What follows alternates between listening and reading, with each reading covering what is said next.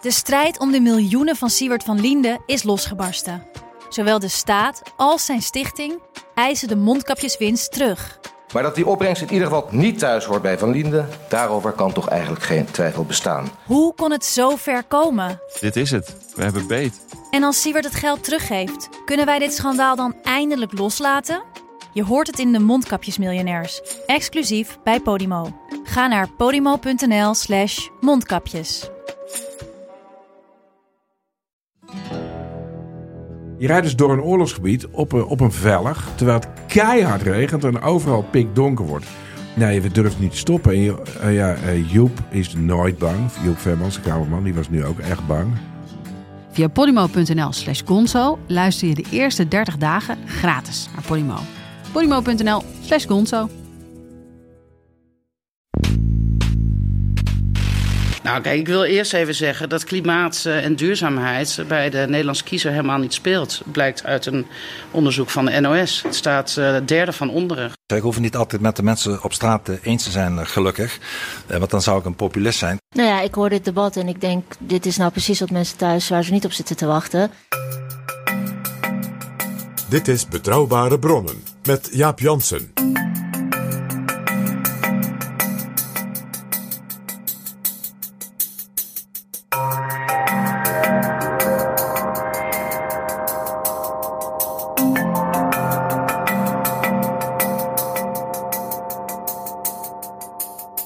Welkom in Betrouwbare Bronnen, aflevering 380. En welkom ook PG. Dag Jaap. PG, wij hoorden zojuist een aantal fragmenten uit debatten. Die zijn nu echt begonnen en de campagne is nu ook echt op stoom gekomen. Het heeft even geduurd, Jaap, maar daar is hij dan toch, de hete fase, zoals dat heet. Zullen we het daarover gaan hebben, PG? Ja, en dan kun je dan twee dingen doen. Dus je kunt gaan speculeren over die hete fase en van alles gaan zeggen over die partijen. Maar ik denk dat voor onze luisteraars, die die campagne en wat er met Nederland moet gebeuren serieus nemen, dat het nuttiger is om nu aan het begin van die debatten en die hete fase eens even langs te lopen. Wat zou u nou als luisteraar of kijker van die debatten moeten willen weten? Dat u denkt, oké, dan kan ik een goede afweging maken voor mijn stem. En hoe merk ik dat ik als kiezer en als burger door een partij of een woordvoerder van de partij serieus genomen word? Want dat zijn denk ik de twee cruciale dingen bij een goede afweging voor wat je zeg maar als kiezer zegt, zo wil ik met Nederland en Europa verder. En je bedoelt met serieus genomen wordt, niet serieus genomen wordt. Je wil niet genomen worden, nee. Geen balletje-balletje spel. Maar eerst PG, zijn er nog nieuwe vrienden van de show? Eh, ja, dat begint zo langzamerhand een beetje een, een, een, een, een lastig punt in onze eh, podcast te worden. Want dat gaat zoveel tijd nemen. Een tsunami van nieuwe vrienden. Ja, van vulkaanuitbarsting zoals uh, Caroline van der Plas zou Een enorme instroom. Ja, dan moet een saldo of een quotum aan worden vastgelegd. Maar ja, gelukkig kan dat niet. Ik doe het dus maar in een heel hoog tempo. En dat is omdat we de mensen, wie naam ik noem, zo enorm waarderen. Dat geldt voor jou, beste Bert, Mariette, Linda, Daan, Vert, Dick, Titia, Antoinette, Bram, Truus, Thomas, Liane, Caspar en Marcel. Heel veel dank. En er zijn ook nog een aantal mensen die een losse donatie hebben gedaan. Dat zijn René, Marleen, Karin en Ton. Wat is het toch heerlijk om op die manier vriendschap te ervaren. Losse donatie is mooi, maar als je structureel doneert, dan word je echt vriend van de show. En dan kun je bijvoorbeeld ook meedingen naar een boek regelmatig. Zoals afgelopen keer het boek van Hein de Haas, Hoe migratie echt werkt. Daarvan stelt uitgeverij Spectrum vijf exemplaren beschikbaar. En die gaan naar Mirjam uit Amsterdam, Martin uit Almere, Isabelle uit Schonerewoerd, Gerben uit Rotterdam en Jan uit Bassen. En Jan, die heeft ons ook nog wat geschreven. Vanmorgen vroeg zag ik de nieuwe aflevering paraat staan. Tot mijn grote vreugde over migratie. En tot mijn nog grotere vreugde vanuit een breed perspectief. Ik werk al jaren in aanmeldcentrum Ter Apel. En zie dagelijks welke worsteling het gevoerde beleid de laatste twee jaar oplevert. Dat is bijzonder, PG. Een luisteraar uit het aanmeldcentrum Ter Apel. Iemand die, zoals dat in de populaire taal van nu staat, met de poten in de klei staat. En die het blijkbaar daarom misschien wel des te belangrijker vindt dat er dus een gelaagde, doordachte en misschien ook wel over de grenzen van Nederland heen kijkende analyse wordt gebracht. Ik stel dit van deze Jan zeer op prijs. Dankjewel Jan. En Dries uit Naarden die sluit daarop aan. Uh, die zegt: Wat een geweldige aflevering met Hein de Haas hebben jullie gemaakt. Ik was onder de indruk van zijn kennis, onderzoekservaring en lessen. En heerlijk ook dat hij geen blad voor de mond neemt. Ik hoop dat veel politici en verantwoordelijke beleidsambtenaren hebben meegeluisterd. Nou, dat is mooi gezegd door Dries. Op uh, Twitter kwam Carolien de Gruiter ook nog te spreken over deze aflevering. Hein de Haas in ijzersterke, kalme podcast over migratie en de onwil van politici om te zeggen waar het op staat. Uh, dankjewel, vriend van de show, Carolien de Gruiter. Wil jij ons ook helpen met een donatie? Ga dan naar vriendvandeshow.nl slash bb. En trouwens, PG, weet je wie waarschijnlijk ook die aflevering goed beluisterd heeft? Dat is Sibrand Buma, de oud-CDA-leider. Want die zei vrijdag in op 1 dit. Het verbaast mij bij asiel dat toch vrij veel partijen, ook de nieuwe, ja. die beloven dingen die gewoon echt gewoon niet kunnen. Nee, niet je kunnen. kan niet zeggen er komen 15.000 mensen en niet meer. Je kan niet zeggen er komen 50.000 ja. mensen en niet meer. Dit is Betrouwbare Bronnen. PG, de campagne is op stoom gekomen. Ik zei het al. De hete fase is ingegaan, hoorde ik jou daarop zeggen. Waar moeten we eens naar kijken? Zullen we eerst, eerst eens gewoon samen langslopen van wat zijn nou dingen die het voor onze luisteraars nuttig maken om te weten. Dan wel ook voor hun afwegingen voor wat er nog meer gaat komen de komende weken. Bijvoorbeeld, wat is nou cruciaal? Iedereen heeft het er ook voortdurend over. We moeten discussiëren op de inhoud. De inhoud is zo belangrijk. Dan is het misschien wel goed om te kijken, deugt die inhoud? Is die voldoende stevig? Is die uitgewerkt? Is die ook financieel verantwoord? Neem ons bij de hand, PG. Kijk nou eens naar de verkiezingsprogramma's. Gewoon als document. Die zijn bijna fysiek al heel verschillend en die zeggen iets. Bijvoorbeeld, ik zal maar zeggen, de twee extremen wat betreft de inhoud. Het verkiezingsprogramma van D66, dat is echt een vuistdik boekwerk. En dat lijkt bijna meer een soort regeerakkoord dan als het ware een soort uh, links-liberaal, vurig politiek programma. Ja, ruim 200 pagina's. Daartegenover heb je het uh, zeer kleurrijk vormgegeven verkiezingsprogramma van BBB. Grote delen van de teksten daarvan zijn in feite een recycling van de HJ schoollezing van Caroline van der Plas. Ja. En de concrete uitwerkingen daarvan, daarvan zegt Van der Plas zelf, ja, dat is een wensenlijstje. Dat is dus het volstrekte ja, zeg maar, tegendeel van het programma van D66. Ja, ze laten het ook niet doorrekenen, hè, de BBB. Heel vaak aangegeven dat wij bijvoorbeeld ook niet bij het CPB ons programma laten doorrekenen. Omdat bij het CPB, die, die gaat allemaal uh, uitrekenen wat het allemaal kost. En wij willen zo graag. Nou ja, hier heeft mevrouw van der Plas natuurlijk gewoon gelijk.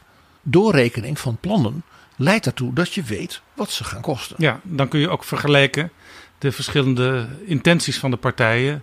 Dat je denkt van ja, ik ben het op zich wel eens met wat die partijen wil. Maar is het ook allemaal haalbaar en betaalbaar? En ik denk dat iedere boerenvrouw op het erf of aan de keukentafel. Als hè, de zoon of de dochter met een mooi plan komt, ook zal vragen: en wat gaat dat kosten? Ja, maar goed, Caroline zegt in het gesprek met Mona Keizer in het reclamespotje van BBB dat de overheid wel ver van het erf moet blijven. Voor de BBB is de overheid een buurman. Ja, of buurvrouw. Of buurvrouw. Maar wel eentje die op gepaste afstand van het erf blijft. Nu begrijpen we dus beter waarom, ja. Ik wil hier meteen aan het begin van deze podcast iemand uitroepen tot de held van de campagne van 2023. En dat is Wim Suiker uit Voorhout. Ja, Wim Suiker is een oud ambtenaar van het Centraal Planbureau. Het Centraal Planbureau is natuurlijk de club die op verzoek van politieke partijen de verkiezingsprogramma's doorrekent. Dat zijn deze keer VVD, GroenLinks, Partij van de Arbeid, D66, CDA, Volt, SGP en Ja21. Maar dat zijn dus lang niet alle partijen die weer een plaats in de Tweede Kamer willen krijgen. En heel bijzonder, opmerkelijk vind ik zelfs, niet een aantal van de nieuwe spelers die zich met heel veel bravoure en zeker ook zelfs enige pretentie Met name presenteren. BBB, zoals ik net noemde. En ook niet nieuw sociaal contract van Pieter Omtzigt. Die zelf toch altijd de potentie heeft dat hij alles tot op het detail wil hebben zien eh, doorgerekend. En ook niet de zakenman Wieberen van Haga, die toch ook al zo zakelijk redeneert. Dus dat is opmerkelijk. En wat heeft nou die Wim Suiker gedaan? De heer Suikerbuik van CPB. Die heeft gezegd, dan ga ik het wel doen. Dus die heeft, en dat heeft hij echt prachtig gedaan, al die verkiezingsprogramma's van die partijen genomen. En echt als een hele scherpe econoom is hij gewoon regel voor regel die programma's van dus de partijen die niet naar zijn vroegere werkgever, het CPB, zijn gegaan, is hij die gaan doornemen. Heeft het allemaal keurig in kaart gebracht. Dus ook de publicaties van, eh, met de achtergronden eh, van zijn oordelen zijn buitengewoon leesbaar. En hij heeft gewoon, gewoon bij, bij elk van die programma's gezegd: oké, wat zegt nou die partij over zorg? Die maatregel, die maatregel. En vervolgens is hij dat gaan uitrekenen. In de beschrijving van deze aflevering staan links naar die doorrekeningen door Wim Suiker. Hij kon overigens niet alles echt goed doorrekenen. Nee, dus je zult zien, Jaap, want we gaan dat straks even langslopen, dat hij bij heel wat van die partijen eh, tamelijk eh, stevige formuleringen gebruikt over ja, de wijze waarop men in de programma's soms bepaalde dingen beschrijft, belooft. Dat hij zegt van ja, eh, met de beste wil van de wereld kan ik als econoom er geen chocola van bakken. En dat is heel interessant natuurlijk waar dat het geval is. Maar ja, en wie en waarom. PG, Mona en Caroline zeggen ook in hun verkiezingspotje: Nederland is geen pepernotenfabriek.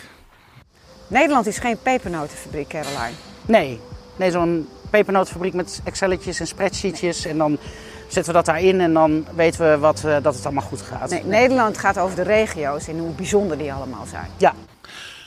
Hij heeft dus zeven partijen, heel feitelijk, eh, eh, volstrekt objectief als econoom, als er nagerekend. En hij komt tot een aantal hele opmerkelijke, zeg maar, gezamenlijke conclusies. Ten eerste dat het programma van elk van die zeven partijen ertoe leidt dat het Nederlands tekort op de begroting toeneemt.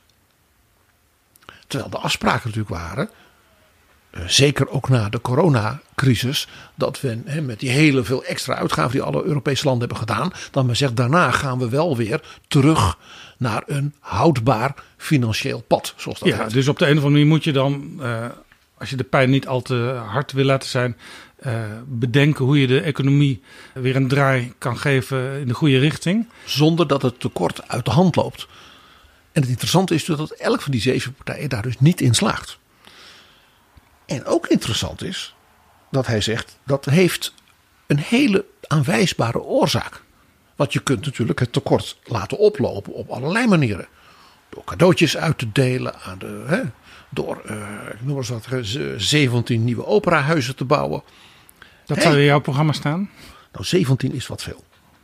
Hij zegt, hoe komt dat nou? Dat dat tekort dus bij al die partijen oploopt. Dat komt omdat ze meer zeggen te gaan uitgeven. Ja, en, Dus de overheid laat het lekker en, breed en hangen. tegelijkertijd dat niet compenseren door lastenverhogingen. Door inkomsten te verhogen. En dat kan uit lasten, dat kan uit eh, verkopen van de nachtwacht. Ik noem maar, hè, van alles kan. Op één na, zegt hij. De partij van Van Haga, BVNL, die is hier volstrekt anders. Want die laat het tekort ook oplopen, zelfs heroïs. En dat komt door enorme lastenverlagingen. Die dus verder niet gedekt zijn. Om je een idee te geven dat het tekort in het jaar 2028 bij dus die zeven partijen, hè, dan heb je verschillende uitkomsten. Bij nieuw sociaal contract is het tekort op de begroting dan 47 miljard euro. Bij de partij van Wieben van Haga is het het niet geringe bedrag van 115 miljard euro. En PG drukt dat nou eens uit in het percentage van het bruto binnenlands product, het jaarlijks tekort op de begroting. Dat zou dan in 2028 bij nieuw sociaal contract 3,7 procent zijn. Dus beduidend, ja, schendend de 3 procent maximum wat in Europa is Ja, afgesproken. want het idee in de Europese Unie is, in de eurozone, dat je een tekort op de begroting mag hebben. Liever geen tekort, eh, liever zelfs een klein overschot. Maar als je een tekort hebt, dan mag dat niet uh, hoger zijn dan 3% van het bruto binnenlands product. En daar zit omzicht dus met 3,7 boven. Aanzienlijk boven. Maar hij wordt in alle opzichten hierbij ingehaald door Wieberen van Haga. Het tekort bij Wieberen van Haga in 2028 is 9,2 procent. Dat doet denken aan Zuid-Europese crisislanden. Uh, dit is Griekenland.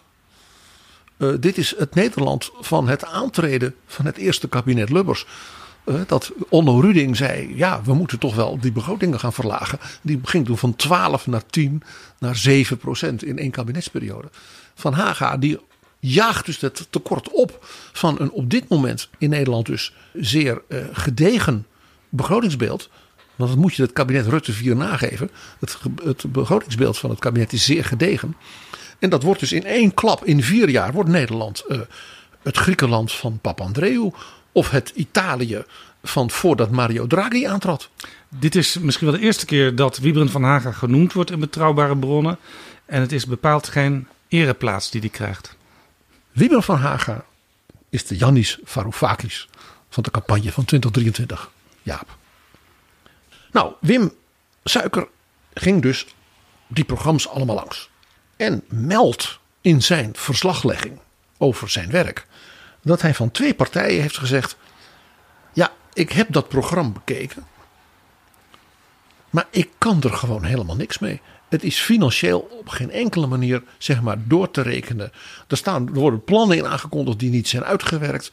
Uh, er wordt ook niet gezegd, bijvoorbeeld aan het begin van de kabinetsperiode zitten we financieel zo. Na die vier jaar willen we met een aantal maatregelen daar komen. En er staan ook dingen in waar heel veel nadruk op wordt gelegd. En een heleboel andere beleidsonderdelen van het overheidsbeleid, waar dagelijks uh, honderden, duizenden ambtenaren mee bezig zijn, waar de Kamer ook op allerlei manieren breed en diep mee bezig is, die staan helemaal niet vermeld in die programma's. En we hebben het hier over de programma's van de PVV en Forum voor Democratie. Hij zegt ook daarbij: hij zegt, ik kan niet iets uitrekenen op grond van ja, fatsoenlijke financiële gegevens. Als men een plan aankondigt waarbij de veronderstelling achter dat plan is dat Nederland dan wel uit de EU stapt. Hij zegt, want de consequenties daarvan die zijn dermate ingrijpend op de rest van de rijksbegroting en ook de economie van Nederland. Hij zegt dat dus niet uit te rekenen. Van nou ja, als ze dat doen, eh, dat zou dan noemen wat een half miljard kosten. Maar de impact van de vooronderstelling is bijvoorbeeld 50 miljard. Op die manier kun je dus in feite geen begroting maken. En ook in feite hebben die partijen dus geen echt programma. Nee, het viel me ook op in het debat afgelopen zondag bij WNL. Waar namens de PVV Fleur Agema aan meedeed. Omdat zij maar een beknopt programma heeft, heeft ze ook eigenlijk weinig tekst. Terwijl het eigenlijk niet bleek uit haar optreden. Want ze zat door iedereen heen te praten. Maar ze ook steeds herhalend wat ze al eerder had gezegd. En dat maakt het dus ook best wel lastig debatteren. Want op een gegeven moment heb je gewoon niks nieuws meer te melden. En dus des te opmerkelijk, want mevrouw Agema is natuurlijk een specialist op het gebied van de zorg. En als er nou één sector is waar je natuurlijk heel gedetailleerd dingen zou moeten doorrekenen, wat men ook hè, voortdurend doet, is dat nou juist de zorguitgaven. Ja, zij zegt dan vaak in Kamerdebatten, als je de bureaucratie vermindert, dan kun je heel wat besparen. Doet het altijd, Jaap. Wat trouwens ook iets is wat je bij de SP vaak hoort. Nu we het toch over de SP hebben. Wim Suiker die concludeert dat er drie partijen zijn waarvan hij zegt die hebben een programma. Dat kan ik als het ware ook uh, helemaal uitplotten. Hè, van oh, die maatregel zit daarin, dat gaat zoveel kosten. Uh, maar hij zegt ik kan het financieel niet heel serieus nemen, dat programma. Want het effect van de daarin voorgestelde plannen, dan wel de beloften die worden gedaan, slaan zulke enorme gaten in zeg maar, de bestaande rijksbegroting. En de beloften zijn zo financieel nergens gedekt. Uh, dat had dus leidt tot, zoals bij uh, eh, BVNL, een begrotingstekort uh, à la nou ja, Griekenland op zijn meest verschrikkelijke periodes. In de kredietcrisis. En bijvoorbeeld bij de SP en bij Denk zijn het tekorten van meer dan 5% En hij beschrijft bijvoorbeeld bij elk van die partijen, ik neem nu als voorbeeld de tekst over het SP-programma schrijft hij letterlijk: Het verkiezingsprogramma van de SP bevat geen budgettaire paragraaf. En het gaat niet in op een beoogd begrotingstekort in de komende kabinetsperiode. Veel maatregelen in het concept verkiezingsprogramma van de SP zijn onvoldoende gespecificeerd om in de analyse mee te nemen. Ze sturen wel het tekort verder op. Ja, dit is een eh, keiharde tekst van Wim Suiker over het SP-programma. En ik vind het opmerkelijk, want ooit had de SP een verkiezingsprogramma, dat was in 2006, met als titel Een beter Nederland voor hetzelfde geld. En toen waren ze heel trots dat ze het door het CPB hadden laten doorrekenen. En dat je inderdaad onder de streep evenveel miljard zag als bij wijze van spreken bij de VVD en bij D66 en bij andere partijen die het hadden laten doorrekenen. Prachtige titel ook, Een beter Nederland voor hetzelfde geld. Het is voor het eerst PG in ruim 20 jaar dat de SP het nu niet laat doorrekenen. En Lilian Marijnse zegt daarover: We hebben nu een ideeënstrijd nodig en geen boekhoudersdebat. Maar die boekhouder, Wim Suiker, die stelt vast dat er dus een heleboel onderdelen van het programma zijn. Hij noemt dat heel mooi ambtelijk geformuleerd, onvoldoende gespecificeerd. Oftewel, wat, wat daar staat in gewone mensentaal. Men roept maar wat, wat lekker klinkt. Hij zegt, ik kan er dus gewoon analytisch niks mee. In de zin van wat zou dat financieel betekenen voor burgers? Of voor scholen of voor ziekenhuizen? Dat kan hier gewoon niet. Het enige is dat als je dat zou doen, dan weet je één ding zeker: dat het tekort op de begroting dus nog verder zou oplopen dan wat hij al had doorgerekend, wat zeg maar 5,5% is bij de SP. Dus je moet er misschien wel 2, 3% bij optellen, à la bij Van Haga. Ja, Denk van Stefan van Baarle, die laat het ook niet doorrekenen. En zij zeggen bij Denk, ja, het is een tijdsintensief traject. Maar bovendien, eigenlijk is het niet nodig, want we hebben het vorige keer wel laten doorrekenen.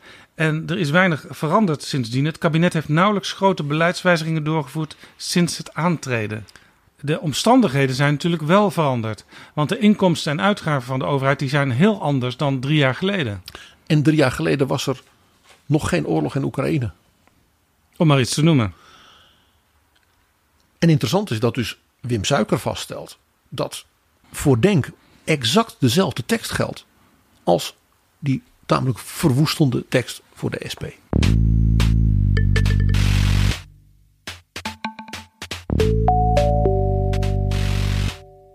PG, laten we dan eens kijken naar die twee partijen die uh, nieuw op het toneel zijn gekomen, BBB en NSC. Ja, want ook die hebben dus, dus van afgezien op die manier zich naar de kiezer en de burger te verantwoorden van nou dit zijn onze plannen en kijkt u maar die doorrekening. Het gaat niet om dat die doorrekening als het ware een soort goedkeuring inhoudt. Dat is namelijk de denkfout die vaak gemaakt wordt.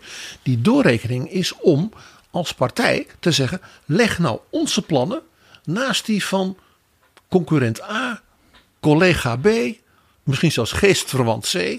Want dan kunt u een soort vergelijkend onderzoek doen. Oké, dus de plannen van die partij leiden meer tot dat. En die partij, een andere partij die misschien ook goede ideeën heeft. Maar daar zitten bijvoorbeeld daar en daar toch een aantal risico's of extra's in. Waar ik als kiezer minder enthousiast over ben. Ja, het is vooral handig. Uh, je kunt vergelijken. En dat is een soort verantwoording van de, wat je zegt te zullen doen. Wat je zegt kiezers te beloven of te zeggen: u kunt bij ons rekenen op dit en dit en dit. Dat je dat als het ware ook feitelijk kunt onderbouwen. Ja, dat CPB-model is niet heilig. Dat vinden ze zelf ook. Dat geven ze ook toe als het bijvoorbeeld gaat over uh, investeringen in onderzoek en onderwijs. Bij onderwijs bijvoorbeeld, misschien pas over 30 jaar blijkt dat die kinderen die nu op de lagere school zitten enorm belangrijk zijn voor de innovatie van Nederland en dus voor de economische groei. Het is heel bekend. Dat zijn de bekende cijfers van de OECD, die dus op dit punt overal, ook bij, ook bij een CPB, maar ook zeg maar, het CPB van Frankrijk, altijd zegt van ja, wij weten dat jullie dat doen. Maar iedereen weet dat als je echt structureel, lange termijn investeert in kwalitatief hoger onderwijs, dat je altijd enorme welvaartseffecten ja, En Hugo Erken van de onderzoeksafdeling van de Rabobank, die heeft daar een jaar wat geleden een stuk over geschreven. Hij zegt, ja, je kunt het best wel in het model verwerken. Het CPB is daar overigens ook wel mee bezig, maar dat, dat duurt blijkbaar uh, nog eventjes. En het is natuurlijk ook zo, als je dan kijkt naar de verkiezingsprogramma's, dan zie je bij de ene partij zoveel voor onderwijs en onderzoek, bij de andere partij zoveel. Uh, maar dan kan het ook zijn dat een partij zegt, ja, wij hebben toch iets meer geld uitgegeven voor een andere post. Want dat levert meteen veel meer banen op. Maar dan weet je dus tegelijkertijd dat ze blijkbaar dat onderzoek en onderwijs misschien toch iets minder belangrijk vinden. En daarom, Jaap, die doorrekeningen zijn dus niet alsof je dan weet je wel, een plakplaatje en een zoen van de juf krijgt.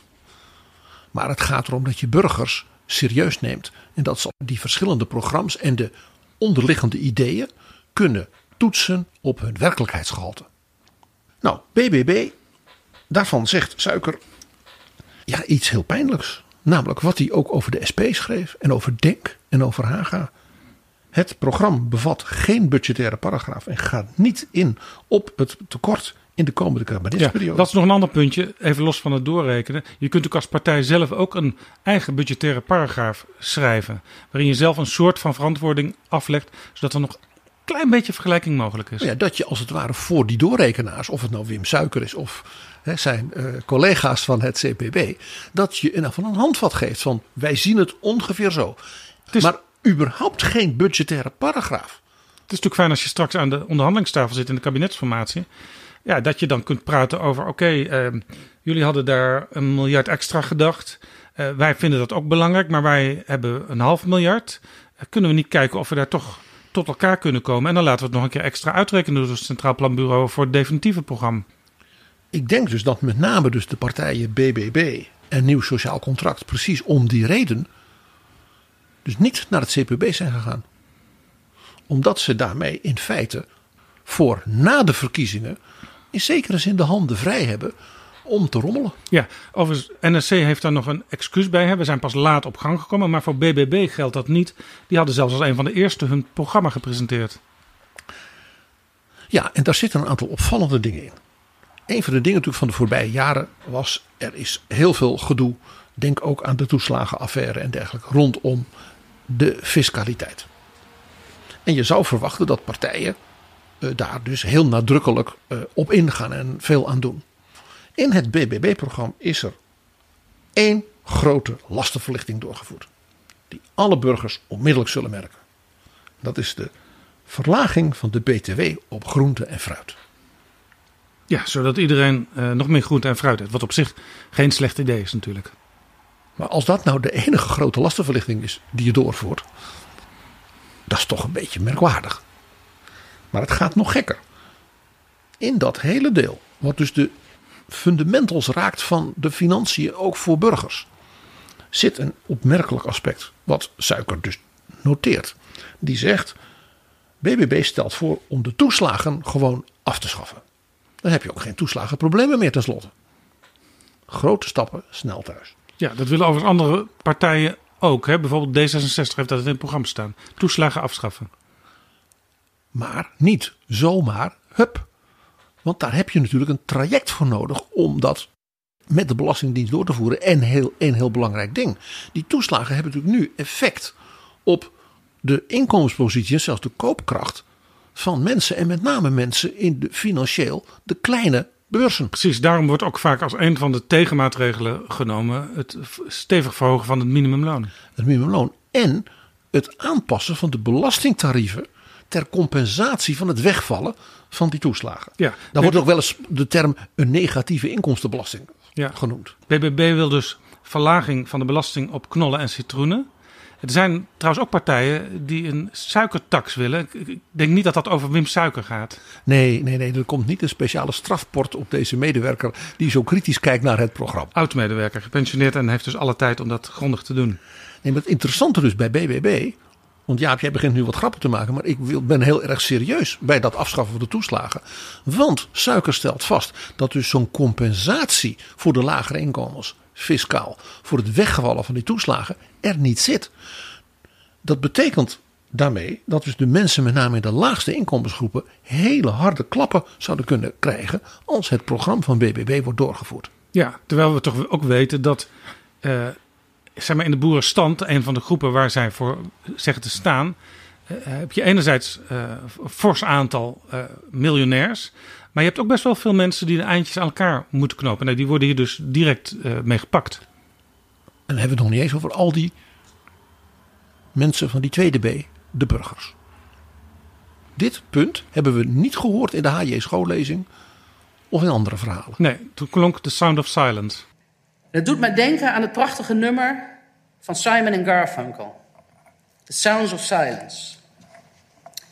People talking without speaking. Kent het allemaal wel? People hearing without listening. People writing songs that voices never share. No one dare disturb the sounds of silence. Dat is ook zo mooi als je zo'n Wim Suiker hebt die gewoon kijkt naar wat staat daar en wat zou dat kosten. Hij stelt ook vast dat het BBB-programma ook op een ander punt dus lijkt op het programma van de SP, van DENK en van BVNL. Namelijk, ik lees het maar letterlijk voor, veel maatregelen zijn onvoldoende gespecificeerd om in de analyse mee te nemen. Wel is duidelijk dat deze ongespecificeerde maatregelen per saldo het tekort verder opstuwen. En hij zegt, ik kwam dus op de wel gespecificeerde maatregelen al tot een groter begrotingstekort van 7 miljard extra. Hij zegt, maar dat is dus de gespecificeerde. Om, omdat er zoveel ongespecificeerde in zitten, kun je één ding vaststellen. Die 7 miljard, hij zegt, is een onderschatting dus van het effect op het tekort. Dus Nederland zou niet 7 miljard, maar misschien wel 12 of 13 miljard extra gewoon tekort komen. Ja, toch opmerkelijk voor een partij die pretendeerde de premier te kunnen leveren. Dat ze geen onderbouwing hebben van hun verkiezingsprogramma. In ieder geval niet financieel. En voor zover het kan, komt dus deze man tot een aantal tamelijk uh, onthutsende conclusies. PG, laten we dan eens kijken naar NSC, Nieuw Sociaal Contract. Want dat is een partij die in de peilingen het heel goed doet. Uh, die hebben overigens geen premierkandidaat nog. Kunnen we het misschien ook nog wel even over hebben zo. Maar hoe zit het met hun financiële onderbouwing? Nou, Wim Suiker die stelt allereerst vast... ja, NSC heeft anders dan wat we hiervoor noemden... een budgettaire paragraaf. Je zou ook niet anders verwachten. Ja, Pieter Omtzigt, een nerd die altijd zelf ook van anderen precies alle details wil hebben. Ik zou bijna zeggen, hij heeft het waarschijnlijk zelf geschreven. Nou, ik denk het niet. Eerlijk gezegd. Want? Ik lees nu voor wat Suiker daarvan zegt. Deze paragraaf is niet kwantitatief en niet erg concreet. Niet kwantitatief is dus ook weer nette ambtelijke taal voor. Er staat geen cijfer in waar ik iets mee kan. Het zijn dus mooie voornemens. En hij zegt, kijk, als ik naar het totale programma kijk, zegt hij, wat betreft de overheidsuitgaven, dus wat gaat nou een, een kabinet, ik zal maar zeggen, van nieuw sociaal contract de komende jaren dan uitgeven aan activiteiten? Hij zegt, zijn veel punten niet concreet. En ook veel punten aan de lastenkant zijn onvoldoende concreet. Ja, dus... dus- nog bij de uitgaven van de overheid, nog aan de inkomsten uit belasting en premies, was er voor hem voldoende, zeg maar, houvast. Dus dat nieuw sociaal contract, dat is niet erg concreet. Een contract dat niet concreet is. Een van de grote thema's is natuurlijk bestaanszekerheid. De burger, ja, heeft het moeilijk, staat onder zware druk. De bestaanszekerheid moet als het ware worden aangepakt. Ja, dat is een punt uit de grondwet. eh, Dat de overheid zorgt voor bestaanszekerheid van de burgers. En ja, we weten, Pieter Omtzigt hecht aan de grondwet. En zeker aan dat begrip uit de grondwet. En eh, andere partijen die hebben zich daarbij aangesloten. Die zeggen ja, bestaanszekerheid moet zeker een hoofdpunt zijn in deze verkiezingen en straks aan de formatietafel. Het is ook een fijn begrip natuurlijk om heel veel aan op te hangen. En wat stelt nu Wim Suiker vast? Die zegt: Ik kijk dus naar het totaal effect van alle maatregelen in dat programma. Een extraatje voor dit en misschien nog wat extra betalen voor dat. En dan heb een totaalbeeld. Ja. Het verkiezingsprogramma van Nieuw Sociaal Contract heeft geen duidelijke invloed op de relatieve koopkrachtontwikkeling van de lage en hoge inkomens. Dus het eindplaatje van dit programma na vier jaar is dus bijna nul impact op de bestaanszekerheid. Want Ja. alles blijft zoals het is. Ja, nou als je het niet door kan rekenen, dan kan je het niet doorrekenen. Dus dat, dat, dat, ja, dat is een pijnlijke conclusie natuurlijk. Maar, Maar hij zegt, wat ik wel kan doorrekenen, heeft dus geen invloed op die zeg maar, inkomenspositie van burgers. Ja, Zowel de hoge inkomens als de Ja, lage precies. inkomens. Want je zou natuurlijk wel, als je dat zo belangrijk vindt, daar een, een- zo duidelijk statement kunnen neerzetten dat het eh, vanzelfsprekend effect heeft. En als je dus kijkt naar zijn rekensommen, weet hij ook wel een verklaring daarvoor. Hij zegt er zijn meer niet concrete maatregelen die wel leiden tot meer uitgaven door de overheid, dan niet concrete maatregelen in het programma die wat leiden tot ombuigingen, dus tot besparingen. En hij zegt hetzelfde. Er zijn dus ook meer niet-concrete maatregelen. Waarvan hij zegt, ik kan ze moeilijk berekenen. Maar die leiden tot lastenverzwaring. Dan maatregelen die leiden tot lastenverlichting. Dus in het totaal bekeken, als hij zegt, nou de dingen die ik niet echt goed kan doorrekenen, want ze zijn niet precies. Het zijn wel dingen die als je nou, naar andere begrotingen kijkt, hè, en eerdere begrotingen, leiden dus dat burgers meer belasting moeten betalen en niet minder belasting moeten betalen. Een van de dingen die we weten uit het programma van Pieter Omtzigt is dat eh, hij wil een aantal dingen echt grondig veranderen in hoe de overheid met de burgers omgaat. Tegelijkertijd wil hij het aantal ambtenaren bevriezen. Hij heeft er wel bij gezegd dat de Belastingdienst kan worden uitgezonderd. Nou ja, ook daar is Wim Suiker, ja, dat is natuurlijk toch een, een bijna omzichtiaanse nerd himself. De heer Suikerbuik van het CPB. Toch eens even heel precies door dat programma gegaan. En die heeft daarbij een aantal zeer opvallende oneffenheden in dat programma ontdekt. Hij zegt, ik lees het maar even letterlijk voor, want dat is het beste dan. Inconsistenties, dus in dat programma, betreffen onder andere welke delen van zeg maar, overheidsorganisaties wel of niet vallen onder de bevriezing van het aantal ambtenaren. Want in de financiële paragraaf staat. Nee, de Belastingdienst die moet niet bevroren worden, Ja. want daar moet nog veel gebeuren. Ja. Maar op een andere plek in het programma, op bladzijde 10, staat dat ook alle uitvoeringsorganisaties uitgezonderd zijn. Ja, dat zijn er heel veel en er werken heel veel ambtenaren. Dus de conclusie voor hem is dat hij dus niet kan berekenen daarmee wat dat programma nou eigenlijk zegt. Nou, ten aanzien van dus ja. het functioneren van de overheid. En het is nog wel misschien wel pijnlijker, PG, want er schieten mij nu ineens twee dingen te binnen.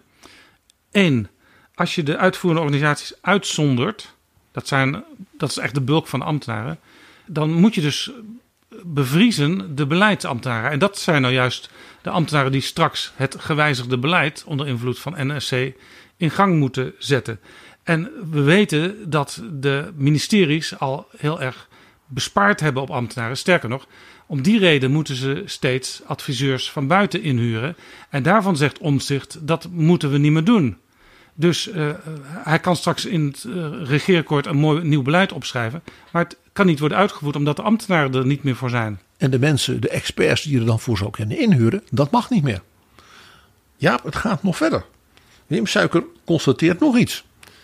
En die zegt: Het is opvallend dat in het programma op een groot aantal terreinen allerlei regelgeving, toezicht, controles enorm worden verscherpt. Ja, dat bedoel ik. Dat is dat nieuwe beleid. En er maar op heel weinig terreinen wordt gezegd: daar kan de bureaucratie wel wat minder. Je krijgt hier de situatie dat je zegt: er wordt meer controle, meer bureaucratische processen en dienstverlening aan burgers op al die terreinen. Alleen de mensen die het moeten doen, dat wordt bevroren. Tenzij, klopt wat er dus op het programma ook staat. Nee, nee, nee, de uitvoeringsorganisaties geldt dat niet voor. En de Belastingdienst geldt het ook niet voor. Maar dan komt de vraag, ja, wat bevries je dan nog? Ja, en Pieter Omtzigt is ook, staat ook op verschillende plekken in zijn programma heel erg voor maatwerk naar de burgers. Dus eh, je kunt van elke burger natuurlijk precies kijken. Oké, die zit in die situatie, die heeft zoveel kinderen, die heeft, eh, moet die sport doen, eh, die heeft... Maatwerk, Jaap, vergt heel veel menskracht. Ja. Want dan moet je individuele trajecten, individuele beslissingen nemen. Dus dan helpt het niet als je op ambtenaren gaat bezuinigen. Ambtenaren die dat allemaal per individu moeten bekijken. Kijk, je kunt natuurlijk ook voor kiezen om in grote lijnen eh, mensen te helpen. Ja, en dan kun je echt wel besparen. Maar dat wil Omtzigt niet in zijn programma. Nee, want dat is precies wat natuurlijk het punt is waarom hij zegt dat daar is het allemaal fout gegaan. Dus je krijgt een merkwaardige situatie dat onhelder is. Hè, dus inconsistentie, zoals eh, Wim Suiker dat noemt. Wat er nou eigenlijk gebeurt, waar, met welke ambtenaren. En tegelijkertijd er dus meer bureaucratische controles komen. En dus meer dienstverlenend en controlewerk door diezelfde ambtenaren gedaan moet worden. Ja. We hadden bij BBB natuurlijk dat opmerkelijke verschijnsel dat men in het hele belastingssysteem eigenlijk alleen met iets komt op de BTW op groente en fruit. Ja, knollen en citroenen. Uh, bij nieuw sociaal contract hebben we iets vergelijkbaars. Want je zou verwachten dat men daar tot een soort, ja, bijna zou je zeggen, hervorming of redesign van dat belastingssysteem zou komen. Gelet op de vele kritiek op dat punt van de voorbije jaren. Wat blijkt? Het hele programma bevat één fiscale ingreep. En dat is een verhoging met het lieve bedrag van 1,1 miljard euro van het BTW-tarief op logies. Logies? Hotels. Oh ja. Daarbij zijn campings uitgezonderd. Oké. Het tarief gaat van 9 naar 21 procent. En ja, die Wim Suiker, ik zeg, dat is een echte een omzichtiaanse nerd, is die man. De heer Suikerbuik van het CPB. Die gaat onmiddellijk kijken, kan dat wel? En die zegt, nou, dit levert nogal wat problemen op, want er is het zogenaamde fiscale neutraliteitsbeginsel. Dat gaat ervan uit dat als je dus bedrijven hebt die ongeveer dezelfde activiteit doen, maar elkaars concurrenten zijn. Dan moet je die op dezelfde manier behandelen, fiscaal. Dan mag je die niet ongelijk behandelen. Dus een camping mag je dan niet uit, anders behandelen dan een hotel. Als het allebei over logies gaat. Prachtig woord. Dus ik denk dat de familie van der Valk, zeg maar op 23 november, hè, na de verkiezingen, stel dat het nieuw sociaal contract een mooie uitslag maakt, zich alvast juridisch gaat voorbereiden om natuurlijk deze verhoging van uh, de belastingen op logies aan te vechten. En de kans dat zij dat wint is heel groot. En dat kunnen ze uiteindelijk waarschijnlijk ook aanvechten dan bij het grondwettelijk hof dat Omtzigt ook in zijn programma heeft staan. Desnoods vechten ze het uit tot het constitutioneel hof. Of ze gaan naar de Raad van Europa en roepen de assemblee van de Raad van Europa op om hun mensenrechten Waar te beschermen. Waar zich dan ook weer in zit om dat te beoordelen. Zo zie je maar Jaap. Er waren overigens natuurlijk meer uh, slimme rekenmeesters die natuurlijk naar dat programma van deze nieuwe club gingen kijken. Dus niet alleen Wim Suiker? Niet alleen Wim Suiker, nee, allerlei, allerlei mensen. En daar waren een aantal hele interessante observaties. Bijvoorbeeld, ook NSC zegt, we moeten echt meer aan defensie doen. Dus die zegt, net als heel veel andere partijen, we moeten die 2% van de NAVO-top in Cardiff, dat moeten we gaan doen. Nou, Nederland is daar ook bijna, hè, we hebben het bijna gehaald. Nou, bij NSC is het ook heel interessant als je naar het verkiezingsprogramma kijkt. Zo had een rekenmeester in de defensiewereld genoteerd. Want die zei: er zit in een prachtige belofte aan het defensiepersoneel. Dat ze flink beter gaan verdienen. En dat betekent dat eigenlijk het overgrote deel van het geld dat bedoeld is als extra investering in het defensieapparaat opgaat aan salariskosten. Ja, dus kogels, laat staan tanks, die uh, blijven dan nog steeds gebrekkig. Er was nog zoiets voor de fijnproevers. In het programma van uh, Nieuw Sociaal Contract wordt gezegd: ja, je moet voor grote delen van de overheidsuitgaven. moet je als het ware in, ik zal maar zeggen, een soort regeerakkoord of iets dergelijks. Uh, afspraken maken. Nou ja, binnen dat budget de komende jaren zou die sector moeten blijven. Daar wordt dus de term uitgavenplafonds voor gebruikt. Maar dat doe je natuurlijk alleen bij sectoren waarvan je denkt uit de ontwikkeling van de voorbije jaren, die gaan door die plafonds heen. Ja, Omtzigt heeft natuurlijk in zijn kamertijd de afgelopen jaren vaak gehekeld eh, dat er open einderegelingen waren bij bepaalde subsidies. Eh, dat je bijvoorbeeld uh, subsidie kon krijgen voor je Tesla. En vandaar waarschijnlijk dat hij nu op heel veel terreinen uitgavenplafonds wil instellen. Ja, het was heel interessant. Uh, er is uh, ook een hevig debat geweest uh, met dus het kabinet Rutte 4 over dat men soms als het ware vanuit bepaalde dingen die met de Kamer was afgesproken, dat men dan extra begrotingsmiddelen ter beschikking stelt. En dat de Kamer daar vaak dan als het ware achteraf over werd geïnformeerd. Ja. Daar was Omtzigt regelmatig buitengewoon uh, verontwaardigd ja, over. Hij wil echt uh, scherp uh, de loep overal opleggen en permanente controle op alles wat de overheid doet hebben. En dat ging toen, het bedrag geloof ik, toen dat was een optelsom gemaakt van dat was misschien wel 40 miljard geweest. Daar zat dus onder andere de extra inspanningen die mevrouw Ollongren deed voor Oekraïne. En dat verklaart denk ik waarom dus dat thema van dat uitgavenplafond zo nadrukkelijk is genoemd. Feitelijk houdt dat natuurlijk in een verborgen bezuiniging op die sectoren. Want als je bijvoorbeeld zegt de, zorg mag niet meer zijn dan zoveel. Hè, dat is het uitgavenplafond. Ja, als dat plafond dan wordt bereikt, dan zal men dus of moeten besluiten. We gaan de belastingen verhogen, want dat plafond moet worden gebroken. Of er wordt gezegd, ja, u krijgt geen geld meer. Interessant. Tot zover, PG, de doorrekeningen die Wim Suiker uit Voorhout heeft gemaakt eigenlijk een soort van gepensioneerde vrijwilliger, oud-ambtenaar van het Centraal Planbureau. De heer Suikerbuik van het CPB. Ik wil hem hier nogmaals hulde brengen. van de partijen die zelf niet naar het CPB gaan. De partijen die dat wel doen, die krijgen woensdag 8 november te horen wat eruit is gekomen. Die hebben daar ook over kunnen overleggen, want er zijn uh, voorlopige berekeningen gemaakt en hebben partijen nog kunnen aanpassen. En dan moet het CPB wel zeggen dat dat mag volgens hun model.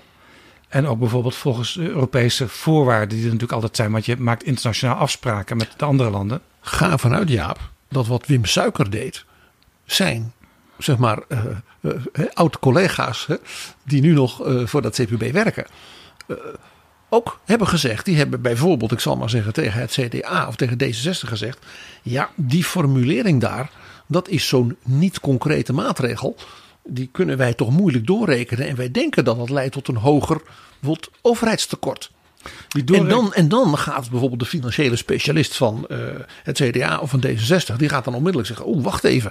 Dan moeten we even kijken of we die passage in ons verkiezingsprogramma kunnen aanscherpen. Dan wel de financiële bijlegger hè, erbij uh, nog wat preciseren. Exact. Zodat je dan een nog beter vergelijkbaar geheel hebt. Want ja. daar gaat het om. Die doorrekeningen, dat zijn straks echt pakketten van honderden pagina's. Bij wijze van spreken moet je woensdag vrije dag nemen om dat allemaal door te ploegen. Het is wel verstandig, weet ik uit eigen ervaring, om naar de persconferentie te luisteren. Die wordt live gestreamd via de website van Nieuwsport.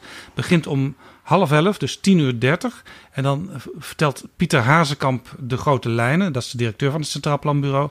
En daarna komt ook nog Marco Hekkert, directeur van het Planbureau voor de Leefomgeving. Die een analyse heeft gemaakt van de leefomgevingseffecten van de verkiezingsprogramma's. Overigens, daar doen nog minder partijen aan mee aan die doorrekening. En ik hoop, Jaap, dat dus die doorrekening van het CPB, en ik vertrouw er een klein beetje wel op. Ze hebben tenslotte denk ik het vak goed geleerd. De voorbije decennia van Wim Suiker, hè, de medewerkers. Eh, dat dat dus net zo uh, uh, precies en ook verhelderend zal zijn als wat hij gedaan heeft. Ook verhelderend op de dingen van hij zegt. Hier kan ik geen chocola van bakken. Want ook dat is voor de burger belangrijke informatie. Als je zegt van als ik op die partij stem, geef ik misschien wel een soort blanco cheque. Wil ik dat wel?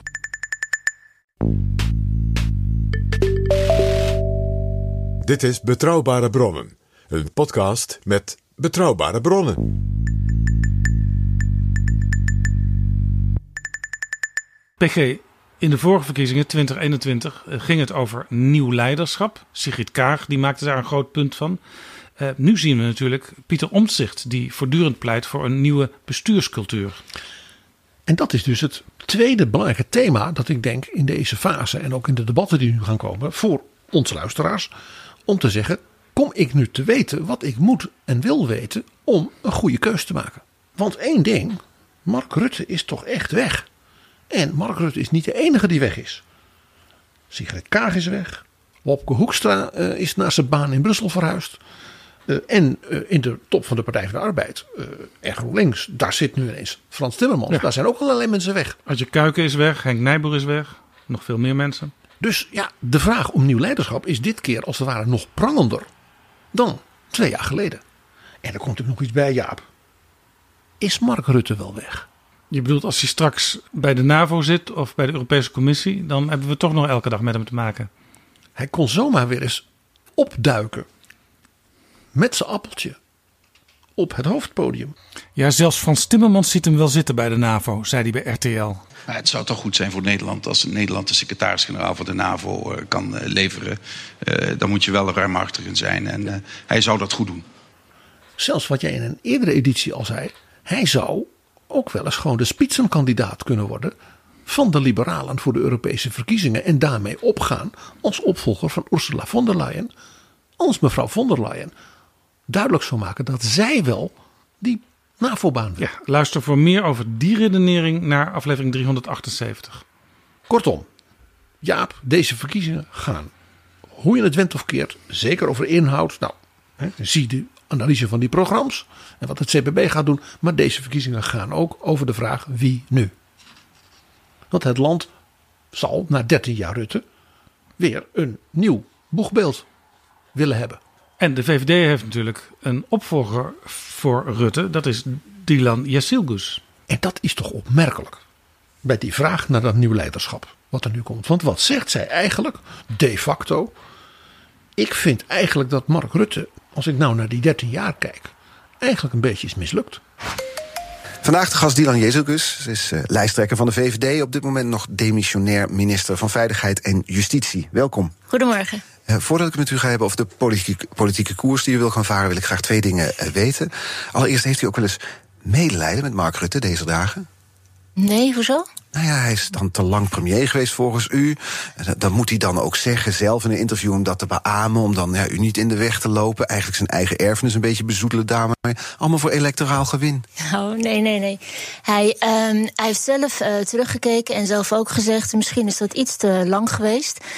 Um, maar als u goed in ieder geval naar mij luistert... is wel dat ik ook echt zie wat voor enorme dingen hij voor ons land heeft bereikt. Hoe hij ons door hele grote crisis heeft uh, geleid. Hij is een uh, grote staatsman. Uh, dus ik ben heel erg trots op hem. En weinig medelijden. Hij doet zijn werk op dit moment ook uitstekend. Dus volgens mij gaat het helemaal goed. Maar er werd ook van gezegd, het is zo doorzichtig. Het is allemaal om het verschil te kunnen maken met het tijdperk Rutte. Moet dat dan nu in de campagne gezegd worden?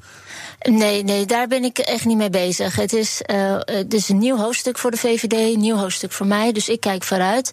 En er hoort bij dat je ook uh, achterom kijkt en dat je zegt: Nou, dit is goed gegaan, dit is niet goed, goed gegaan, daar kunnen we van leren. Dat hoort bij uh, als, als nieuwe leider opstaan. Maar dan had hij moeten aftreden? Of moeten stoppen? Ik, ik, denk dat uh, bij de vorige verkiezingen, zo terugkijkend, wellicht een mooi moment was geweest. Ja, het is misschien wat hard. Maar als je zegt, ja, die Rutte, hij is gewoon te lang gebleven. En daarmee had hij dus ook als het ware het profiel, uh, de politieke koers van het liberalisme van de VVD beschadigd. We hadden allemaal concessies gedaan. En daarom had dat Dylan rondom het asielprobleem dan ook wel gezegd: we blazen de zaak op. Ja, heel gek. Rutte zelf, toen Dylan Jessilgus dat gezegd had, kwam meteen naar de camera en zei: Ja, daar heeft hij eigenlijk wel gelijk. Ik ben misschien achteraf gezien wel te lang gebleven. Nou weten we natuurlijk van Rutte dat hij uh, niks lievers wilde dan de langst zittende premier aller tijden worden. Uh, Lubbers overvleugelen. Dat heeft heeft hij ook een beetje gedownplayed af en toe. Maar je zag het hem toch ook wel heel vaak met een glimlach erkennen dat hij daar trots op was. En nu zegt dus zijn opvolger als kandidaat premier. En daar heeft Nederland en het liberalisme, de VVD, een hoge prijs voor betaald. Ik vind dat nogal wat. En Rutte kan natuurlijk ook niet anders dan dat hij zegt uh, met terugwerkende kracht ben ik misschien ook wel wat te lang gebleven. Want anders dan uh, stuurt hij de hele VVD-campagne in de war. Ja, als hij had gezegd, nou ja, eigenlijk had ik gewoon Rutte 4 willen afmaken. En ik had er nog zin in. En uh, Rutte 5 had ook gekund. Ja, dan had je natuurlijk een clash gehad van hier tot Tokio. Hij heeft als trouwe partijsoldaat net gedaan alsof hij vond dat Dylan Jessilgus met een geheel nieuw inzicht kwam. Wat hij nu ineens ook verinnerlijkte. Het volgende is natuurlijk dat als je nou zegt, ja, eigenlijk zijn die 13 jaar Rutte in mineur geëindigd. Dat is natuurlijk wat je zegt. Hij is te lang gebleven. We hebben de, we hebben de coalitie opgeblazen. Uh, er kwam niks uit en hij had te veel concessies gedaan. Enzovoort, enzovoort. Dat is nogal wat. Om vervolgens te zeggen, en daarom nu met Dylan als de nieuwe aanvoerder en kandidaat premier, gaat de VVD de problemen in dit land fixen. Want dat willen de burgers. Die willen ministers, die willen een partij die de problemen in het land gaat fixen. Ja, dan zeg ik, oh, komt u dan na 13 jaar achter? Is dit nou de manier om de kiezers, de burgers als het ware, ervan te overtuigen? Weet je wie je dat moet laten doen, dat fixen? Die Dylan. Die doet net nou of ze geheel nieuw ineens ja, zich meldt. En de problemen nu herkent en meteen denkt: ik ga ze fixen. Nou ja, er is een hoop veranderd. Hè? Er is een nieuw hoofdstuk. Er staat een nieuwe leider voor u met een ander verhaal, andere achtergrond. En op onderdelen ook een andere visie. En, en uiteindelijk kijk ik terug naar een tijd waarin ook heel veel mooie dingen zijn gedaan. Als je naar voren stapt, verantwoordelijkheid pakt, dan komen een heleboel dingen uh, pakken goed uit. Maar ook een aantal dingen niet goed. En daar leer ik van. En zo kijk ik weer vooruit. Voor mij het allerbelangrijkste. Um, en dat is ook hoe ik mijn werk nu als minister van Justitie en Veiligheid doe. Is dat je continu toetst um, wat je beleid doet. Dus dat je inderdaad bij de mensen voor wie je het doet ophaalt. Pakt het uit zoals we het met elkaar hebben bedacht. En zo niet, dan moet je terug en moet je het anders doen. Om te voorkomen dat dingen zo lang doorgaan dat het daarna zo complex wordt om je recht te kunnen doen. Ik denk dat dat een hele belangrijke les is. Zo doe ik mijn werk uh, nu al. En Ja, ik zal het zeker Dat deed straks ook Rutte zo te doen. weinig dus, volgens u. Ja, ik denk dat dat de afgelopen jaren te weinig is gebeurd. Ik vind het nog wel veel om het aan één man of aan één partij te hangen. Maar het is mijn taak vanuit de VVD om dat wel als zelfreflectie voor mezelf mee te nemen. Zeker. Dus het opmerkelijke van het nieuw leiderschap van Dylan Jezelgus is dat het zo verschrikkelijk nieuw is. De vraag is of het leiderschap is. Ja, en of het wel echt nieuw is uiteindelijk. Nou, dan hebben we natuurlijk nog een vrouw die nadrukkelijk naar voren is geschoven als kandidaat minister-president. Ja, Mona. Mona Keizer. Zij had een interview met Auke van IJsden in Trouw afgelopen week. Waarin zij zegt over het premierschap. Waarschijnlijk gaat dat niet door. Die kans is inmiddels vele malen kleiner. Maar dat is helemaal niet erg. Mijn kinderen zijn er overigens heel blij mee. Nu ga ik me gewoon focussen op mijn intrinsieke motivatie. Hoe zorgen we ervoor dat Nederland weer het land wordt waarop je trots bent, waar je graag wilt wonen, waar je elkaar en de overheid vertrouwt? Dat boek is voor mij waarschijnlijk dicht, zegt ze. Ik had de indruk dat het boek wel was geopend, maar men nog niet voorbij de inhoudsopgave en de hoofdstukindeling was gekomen. Nee, en Rick Nieman van WNL op zondag, die kondigde haar zelfs bij het debat zondagochtend aan als de running mate van Caroline van der Plas. Dat is eigenlijk de omgekeerde wereld. Want de running mate is in Amerika, daar komt die term vandaan, de vicepresidentskandidaat. Mona is Kamala, Jaap. Er was nog iets opmerkelijks. Ik keek naar NOS op 3, waar soms best wel aardige gesprekjes in zitten met telkens twee kandidaten. En nu was een van de kandidaten die daar zat, Caroline van der Plas. En haar werden een aantal dilemma's voorgelegd. Een van de dilemma's was Mona Keizer of Henk Vermeer. En Henk Vermeer, dat is haar assistent, de ambtelijke secretaris van de fractie. En ook een van de mensen met wie zij de partij heeft opgericht. En die zo goed heeft gezorgd voor de financiën in die startperiode. Zo blijkt nu achteraf. En wat zei ze nou op dat dilemma? Mona Keizer of Henk Vermeer? Henk Vermeer, want Henk is mijn broertje. Mijn, mijn brother from another mother, zeg maar. Ik denk dat u nummer twee niet heel blij is vanavond. Zeker, ik vind Mona hartstikke lief, hartstikke aardig. Maar eh, ik zie Henk als mijn familie. En familie staat voor mij altijd bovenaan. Jaap, wat Caroline van der Plas allemaal zegt, dat is elke dag weer een verrassing. Ik wil gewoon hier Mona Keizer lof toezwaaien. Want wat zij tegen Auke van IJsden zei, was natuurlijk gewoon heel eerlijk. Dat kun je zij, zeggen. Zij gaf toe dat zij zich dus heeft laten verleiden om op twee van de lijst van BBB te komen staan als premierskandidaat. En nog voor de hete fase van de campagne is begonnen, dat dat een volstrekte flop is geworden. En dat haar zoons blij zijn dat ze tenminste weer vaker die pannenkoeken kon bakken. En dat gun ik de jongens van harte. Ja, pannenkoeken, want Nederland is geen pepernotenfabriek. Nederland is geen pepernotenfabriek, Caroline. Nee. PG, een nieuwe bestuurscultuur. Het hoofdpunt van Pieter Omtzigt. Ja, in het programma van Nieuw Sociaal Contract staat op bladzijde 9 dat tot de grondvoorwaarden voor een goed functionerende democratie behoort de beginselen van openheid en transparantie. Dat is prachtig. Maar wat doet het Nieuw Sociaal Contract zelf? Men is op dit punt niet open en allerminst transparant. Nee, ze hebben geen doorrekening, daar hadden we het net al over. Je zag het ook bij het maken van het verkiezingsprogramma. Want dat is gemaakt en dat, daar was verder geen enkele dialoog over met leden, met een achterban. Nou, de 44 kandidaten mochten allemaal meepraten. Die mochten allemaal nog een keer toen. In de het- laatste dagen. Precies, die mochten allemaal nog even kijken. Dat is niet heel open en niet heel transparant. En het argument wat natuurlijk altijd wordt gehad, ja, maar we zijn net begonnen. Hè, dat werd bij dat programma ook gezegd. Eh, Maar dat houdt ook een keer op. Hè. Voortdurend roepen we zijn net begonnen. Zeg dan, we zijn net begonnen, dus over vier jaar moeten we misschien wel naar de kiezer toe. Je kunt niet zeggen, we zijn net begonnen, dus u moet ons alles, moet eigenlijk ons alle dingen moet u maar goed vinden. Hè, want we doen toch Ja. zo ons best. Ja, hebben- maar we willen wel. Ze hebben kort geleden de lidmaatschapsmogelijkheid opengesteld. Er zijn heel snel ruim 4000 leden gekomen.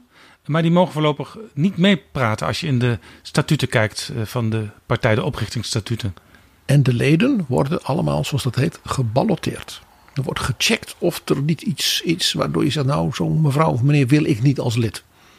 Ook dat is geen uiting van openheid en transparantie, Jaap. En ja, dat premierschap, dat is misschien wel het meest opvallende punt. Meneer Omzicht, wilt u premier worden van Nederland? Ik wil graag ons verkiezingsprogramma uitvoeren. Nederland moet grondig hervormd worden. Na uh, een aantal jaren met grote schandalen, zoals het schandaal van de kinderopvangtoeslag en het gasschandaal. Dat betekent dat we de verhoudingen moeten veranderen. Een constitutioneel hof nodig hebben, een nieuw kiesstelsel, betere toezichthouders. En ook een andere machtsverhouding tussen het torentje en de Tweede Kamer. En het gaat mij om die agenda samen met bestaanszekerheid, grip op migratie en goede woningbouw. En waar ik die uitvoer is echt van ondergeschikt belang. Dus u bent bereid in het torentje plaats te nemen om die agenda uit te voeren. Hoor ik dat goed? Vandaag krijgt u daar geen antwoord op.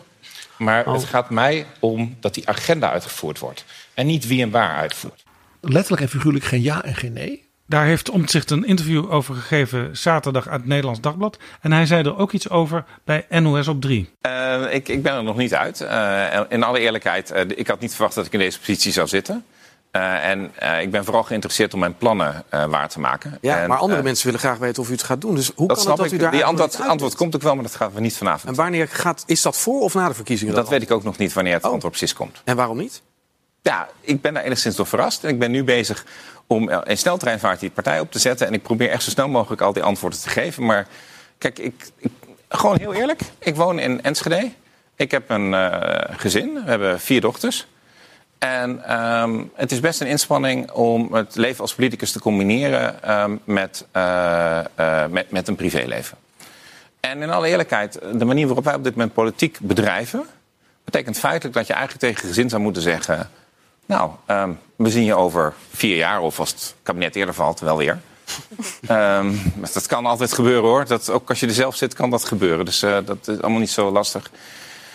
Dus ik probeer nu voor mezelf te kijken naar, ook naar een burn-out die ik gehad heb. En nadat ik gezien heb hoe wij elkaar volledig gek maken in Den Haag. Hoe we dat systeem ook zo hervormen. Dat je ook normaal, als je een gezin hebt, dat je dan ook gewoon normaal politicus kunt zijn. Het zij in de Kamer, het zij als minister. Maar hebben kiezers er ook niet recht op om te weten voor de verkiezing? Of ik snap wat u vraagt. Ik snap wat u vraagt. Um, uh, het zijn overigens wel Tweede Kamerverkiezingen, geen verkiezingen voor, uh, uh, voor de premier. Maar ik snap, dat, ik snap die vraag. En ik zal proberen daar nog iets meer over te zeggen, maar niet vanavond. Interessant, PG. Hem wordt wel verweten nu elke dag door de concurrentie. Jij geeft daar geen uitsluitsel over. Maar nu blijkt dat hij zelfs uh, daar misschien helemaal geen uitsluitsel over geeft voor de verkiezingen.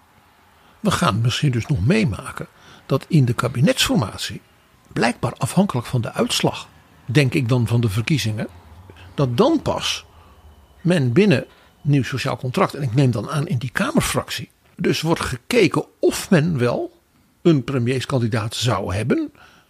Of die vrouw of man er is. En of men die wil presenteren. En het is de vraag, stel NSC is de grootste. Want dan komt meestal die vraag aan de orde. Als om zich dan zegt, nou ja, wij leveren geen premierkandidaat. Het is de vraag of een andere premierkandidaat van een andere partij dan onder die hele grote kritische Tweede Kamerfractie uh, wil gaan dienen. Nou, ik nog iets anders, Jaap. Als men zou zeggen, na de verkiezingen, alles afwegend is onze lijsttrekker, de nummer 1. Ook een beetje de belichaming van de ideeën van dat nieuwe sociaal contract, ja. is niet beschikbaar. Dan zullen de potentiële coalitiepartners zeggen, ja, met, met wie onderhandelen wij dan? Want ik neem toch aan dat de onderhandelaar bij het maken van een coalitieakkoord of iets dergelijks, dat dat de heer Omtzigt is. Misschien bijgestaan door uh, nog een andere rekenmeester of iemand die uh, op een ander terrein ja. uit zijn fractie. Misschien een van de wat meer politiek ervaren mensen in zijn fractie. Bijvoorbeeld Eddy van Heijem, de auteur ja, van dat nee, want. Het is handig als je straks uh, een kabinet hebt, een coalitie met een leider, dat die leider wel bij alle kernonderhandelingen aanwezig is geweest. Als de aanvoerder van het kabinet, ik zal maar zeggen de NSC-premier, als die dus aankomt schuiven bij de slotronde, namelijk het zoeken van de poppetjes, zoals dat heet, dan wordt het wel ingewikkeld. Wat ook nog zou kunnen, is niet ondenkbaar in dit soort situaties, nieuwe bestuurscultuur, is dat die vrouw of man door omzicht als het ware wordt binnengehaald en die die mee onderhandelt. Alleen daar is dan waarschijnlijk niet door iemand op gestemd. Dat zou ook nog kunnen. Dan is er nog een andere mogelijkheid. Er zijn eigenlijk twee dat voor de verkiezingsdag van 22 november nieuw sociaal contract of zegt we hebben nieuws. Omtzigt doet het wel. Dan gaan natuurlijk alle argumenten die hij ook nu zelf naar voren heeft gebracht, gaan dan natuurlijk gelden. Waarom zijn die bezwaren nu tien dagen voor de verkiezingen ineens geen bezwaar meer? Andere mogelijkheid is dat ze zeggen: nee, Pieter Omtzigt wordt niet de premier, die blijft fractieleider. Een beetje zoals Wouter Bos toen deed toen hij Job Cohen presenteerde. Ja, maar dat vertelde hij van tevoren. Die vertelde dat van tevoren. Dat zou dus ook nog kunnen. Maar ja, dan krijg je dus misschien toch de situatie, Jaap, dat dan een partij zegt: uh, steun onze ideeën. Hè, dat is ook wat uh, Omtzigt zegt: ik wil aandacht voor mijn ideeën. Uh, maar degene die dat gaat doen, namens ons, daar kunt u niet op stemmen. Nee, interessant. Uh, Omtzigt wordt wel eens verweten misschien dat hij veel ideeën van uh, D66 uit de beginjaren in zijn programma heeft staan. Maar een van de dingen die D66 ook blootlegde, daar was in Nederland eigenlijk nooit zoveel discussie over geweest tot dan toe, was dat je als kiezer maar moet afwachten wie er uiteindelijk als premier met welke combinatie uitkomt. En blijkbaar vindt Omtzigt dat geen probleem als het gaat om transparantie. Ik heb jou al eerder gezegd, ja, ook bij de, mijn analyse toen van dat grondslagendocument, dat het denken over politiek en samenleving van nieuw sociaal contract zeer sterk doordezemd is door het klassieke katholieke denken van de jaren 20 en de jaren 50. Ja, dat vond ik heel interessant. En daar komt dat ook uit. Daar In kwam het- dat ook uit voort. Ja, in het gesprek in het Nederlands Dagblad vond ik het heel interessant. Daar zegt Omtzigt letterlijk... Mijn ideeën komen voort uit de katholieke sociale leer. Dus ik neem niet alleen mijn geloof mee, maar ook mijn ideologische wortels. Over zegt hij wel, NSC is geen partij op religieuze grondslag. Ja, ook dat is dus weer dat wat in mijn analyse toen eh, al naar voren kwam. Ik zei, het is aan de ene kant dus heel, eh, eh, zelfs soms een beetje reactionair katholiek qua wortels. Maar absoluut niet christendemocratisch. Want die typisch christendemocratische insteken van het naoorlogse verzoenings- en pluriforme hè, van de verschillende geloven die met elkaar hun inspiratie delen, zit er ook niet in. Omtzigt bevestigt dat nu, dat is interessant. Maar één ding, Jaap. We gaan dus, dus nu meemaken, wellicht, dat of voor of pas na de verkiezingen hier helderheid overkomt. En die helderheid kan ook zijn, we weten het nog niet. En dan zeg ik, wat is dat voor contract? Dus je zegt, wij leggen de samenleving een nieuw contract voor. En een van de ondertekenaars zegt, ja, wie namens ons dat contract met u burger gaat tekenen, dat gaan we u nog niet vertellen. De notaris zegt dan altijd, waarvan akte? Hoi, ik ben Alexander Klupping. Ik weet dat jij, net als ik, met heel veel plezier luistert naar betrouwbare bronnen. Maar je zou Jaap en PG echt helpen als je nu vriend van de show wordt. Dat kan met een donatie, per maand of per jaar. En dan kunnen ze nog veel meer afleveringen maken en zeg nou zelf, dat wil jij ook. Dus ga nu naar vriendvandeshow.nl slash bb. En doe het niet straks, maar nu. PG, we hebben het natuurlijk al over Dylan gehad. We hebben het over Pieter gehad. Mona. Maar nog, niet over die andere partij die het goed doet in de peilingen. GroenLinks PvdA met Frans Timmermans. Laten we even naar hem luisteren. 13 jaar Mark Rutte en ik wil van u allen weten... wat gaat u anders doen dan premier Rutte? We hebben echt een ander beleid nodig. We moeten het land op een andere koers zetten. Maar ik wil me ook laten inspireren door hem. Want eh, ik ken hem goed. Eh, het is een, echt een aardige vent. Ik ben het politiek heel vaak met hem oneens. Maar zijn eindeloze optimisme, daar wil ik mij door laten inspireren. Dat je altijd, ook in moeilijke tijden, probeert een oplossing te vinden. En ik hoop dat ik dat kan vertalen als ik die verantwoordelijkheid zou krijgen. Maar dan wel met heel ander beleid. Kijk Jaap, ik vind die combinatie GroenLinks Partij van de Arbeid met Frans Timmermans, die heeft wel iets leuks.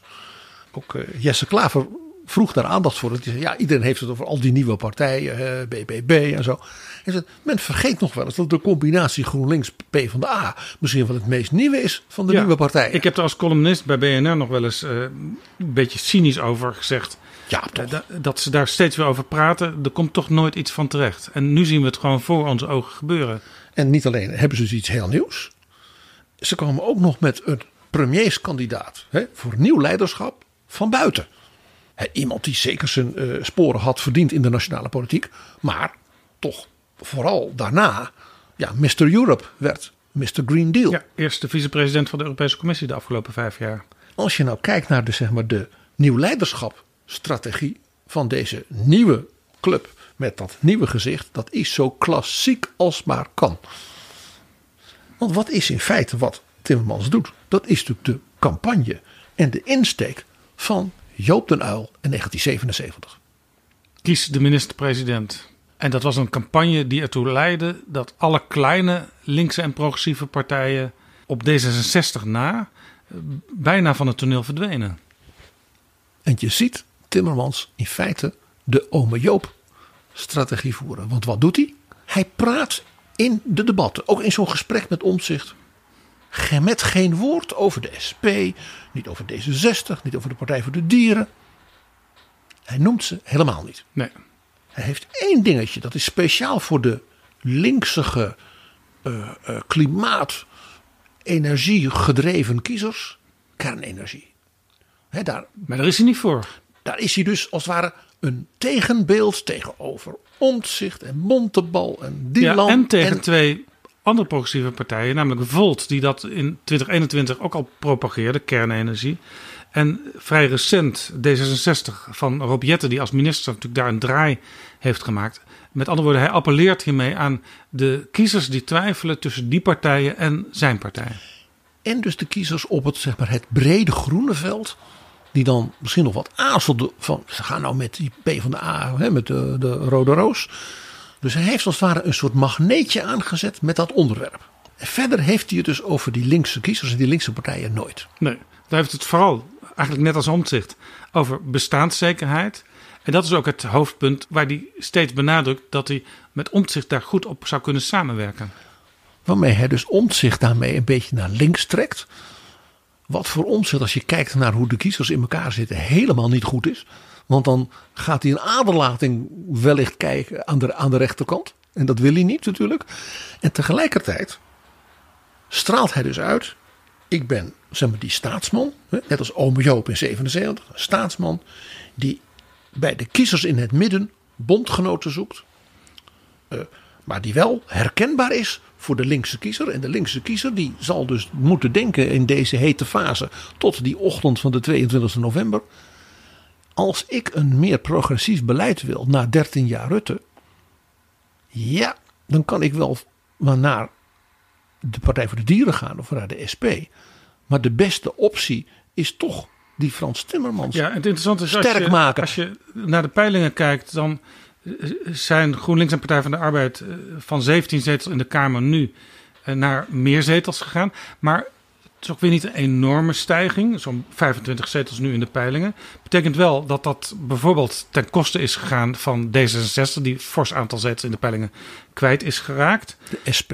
Maar als je met uh, Pieter Omtzigt aanpapt als Frans Timmermans zijnde, uh, dan zeg je eigenlijk tegen zijn kiezers misschien kun je ook wel op mij stemmen. Want wij gaan toch samenwerken straks. En een best wel flink aandeel in de kiezers die nu voor het eerst naar NSC gaan, die komen van de Partij van de Arbeid af.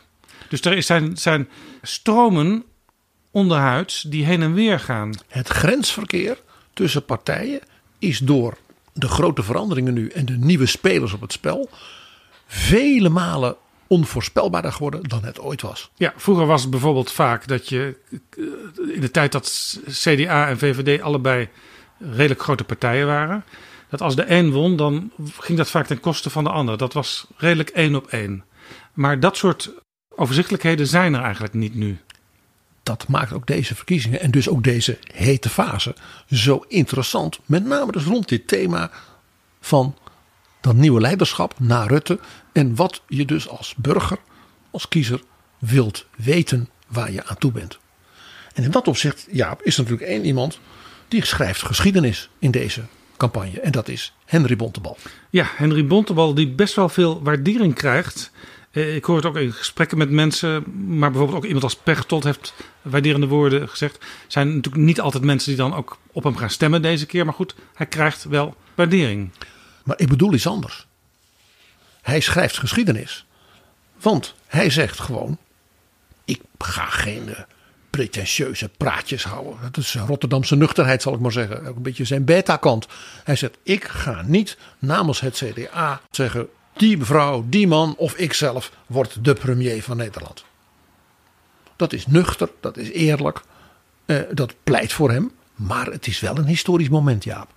Dat er dus voor het eerst in ik, nou ja, hoe lang? misschien was het voor het eerst sinds de Tweede Wereldoorlog, dat de christendemocratische stroming in ons land zegt van wij gaan niet met een premierskandidaat komen. En daarmee onderscheiden we ons zelfs in zekere mate in de zin van openheid en transparantie van andere partijen. En dan hebben we natuurlijk ook nog D66 met Rob Jetten. Rob die deze week te zien was samen met Thierry Baudet. Veel mensen vroegen zich af, moet hij daar wel gaan zitten? Maar ja, hij staat natuurlijk ook niet heel goed voor in de peilingen. Dus hij moet ook wel bepaalde combinaties accepteren.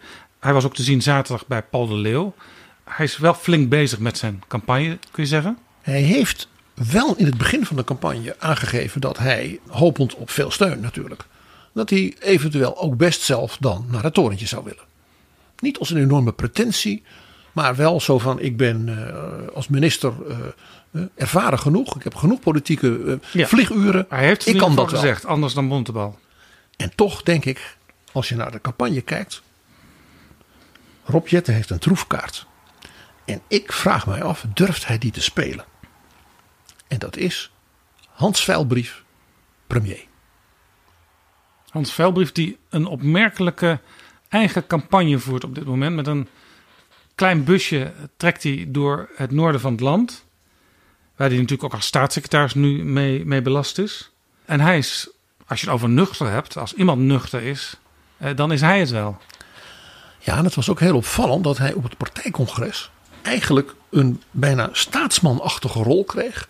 Om als het ware nog achter het verkiezingsprogramma en de actualiteit met dat congres een soort ja, gedachten te delen over. Maar hoe zijn wij nu terechtgekomen in de situatie waar we nu zitten? Politiek, maatschappelijk. En hoe gaan we nou op een andere manier met elkaar politiek bedrijven? De meritocratie, de motor van na de Tweede Wereldoorlog, die emancipeerde, keert zich nu tegen zichzelf. De maatschappij is onderverdeeld in lijnen naar onderwijsniveau. En als we niet uitkijken, worden onderwijsniveau en vermogen worden erfelijk. Er komt als het ware een nieuwe aristocratie. En als we niet uitkijken, valt de maatschappij uit elkaar daardoor. Onze minister Dijkgraaf probeert daar wat aan te doen. Die heeft het MBO geprobeerd op te waarderen, maar die agenda is nog lang niet af. We moeten ook kijken naar de instituties die onze maatschappij bij elkaar houden. Waar komen mensen eigenlijk uit verschillende groepen bij elkaar? Wat hebben ze met elkaar gemeen? Is er wel een gezamenlijk verhaal? En als we dat niet beter gaan doen, komen politiek en burgers, politiek en beleid, sorry, steeds verder van burgers af te staan. Het argument is eigenlijk heel simpel. We hebben een maatschappij gecreëerd waar als je onsuccesvol bent of arm, dat het eigenlijk gewoon aan jezelf ligt. Dan ligt het aan je karakter. Je bent een beladen woord deplorable, deplorabel, weet u nog? Hillary Clinton. Een CEO in de VS, Democraten, verdient op dit moment 300 maal het gemiddelde salaris van zijn gemiddelde werknemer. Laat even voor u doordringen, 300 maal. Dat was 40 jaar geleden nog 20 maal. De vermogensverdeling in Nederland, het land wat zich zo laat voorstaan op gelijkheid en gewoonheid, houden in dat 10% van de huishoudens in ons land 60% van het vermogen heeft. Een groot deel van die vermogensongelijkheid is onrechtvaardig, onproductief en veroorzaakt kloven in de maatschappij.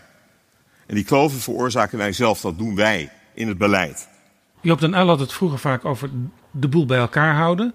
Eh, maar hij had eigenlijk een verhaal op dat congres. En als je hem nu hoort in zijn persoonlijke campagne, dan heeft hij het heel erg over Nederland weer bijeenbrengen, weer samenbrengen. Mensen accepteren best verschillen.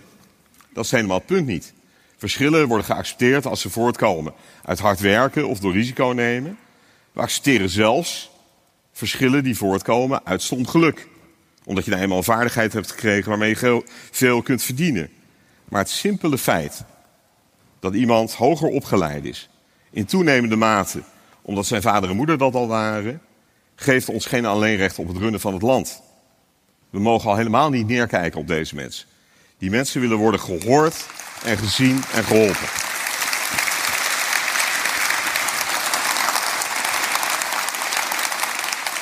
Ik zag dat en toen dacht ik, heeft Rob Jetten hier misschien wel heel, heel slim een troefkaart.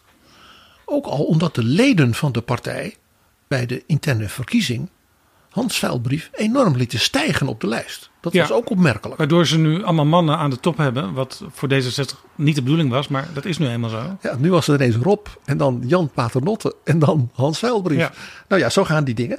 En ja, hij zou natuurlijk, als het ware, de belichaming kunnen zijn van, net als twee jaar geleden, dat nieuw leiderschap. Namelijk een zeer gedegen en ervaren figuur.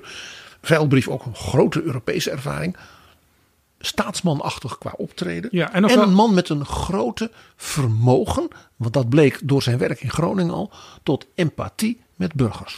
Tegelijkertijd is hij ook minder pretentieus dan Kaag was eh, in 2021. Met dat idee van nieuw leiderschap, waar toch heel veel mensen in teleurgesteld zijn. Ik ken mensen die, die echt op haar zijn gaan stemmen. Maar die zeggen, ja, ik, ik weet het nu eigenlijk niet meer. Ik, ik twijfel nu tussen partijen. En of D66 daarbij zit, ja, dat weet ik eigenlijk niet. Zij heeft toch mensen echt teleurgesteld.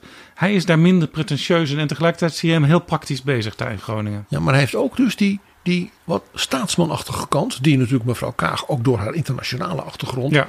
ook natuurlijk en niet zonder reden heeft kon laten zien. Veilbrief heeft natuurlijk in Europa ook gewerkt. Ja, en heeft op het, op, natuurlijk op het gebied van de overheidsfinanciën en de euro en wat dan natuurlijk een, een, een, een schitterend cv. Ja. In combi dus met die opmerkelijke persoonlijkheid, empathie en die gedegenheid. En ja, wie weet wat eh, Rob Jetten nog gaat doen, Jaap. Er kan nog van alles gebeuren, PG. Af en toe hoor je in betrouwbare bronnen een advertentie, maar vaak ook niet. En dat is jammer, want we hebben graag meer adverteerders. Want ook daarmee houden we betrouwbare bronnen online. En je bereikt via betrouwbare bronnen een interessant publiek van mensen, ook een groot publiek van mensen. Heel veel jonge mensen. Met grote maatschappelijke politieke belangstelling. En natuurlijk, ja, ik zeg het een beetje eh, ondeugend, Jaap. De decision makers van Nederland en in Brussel. Stuur een mailtje aan adverteren.darrenacht.nl en dan neemt de reclameafdeling van Betrouwbare Bronnen, ja ja, neemt dan contact met je op. Adverteren,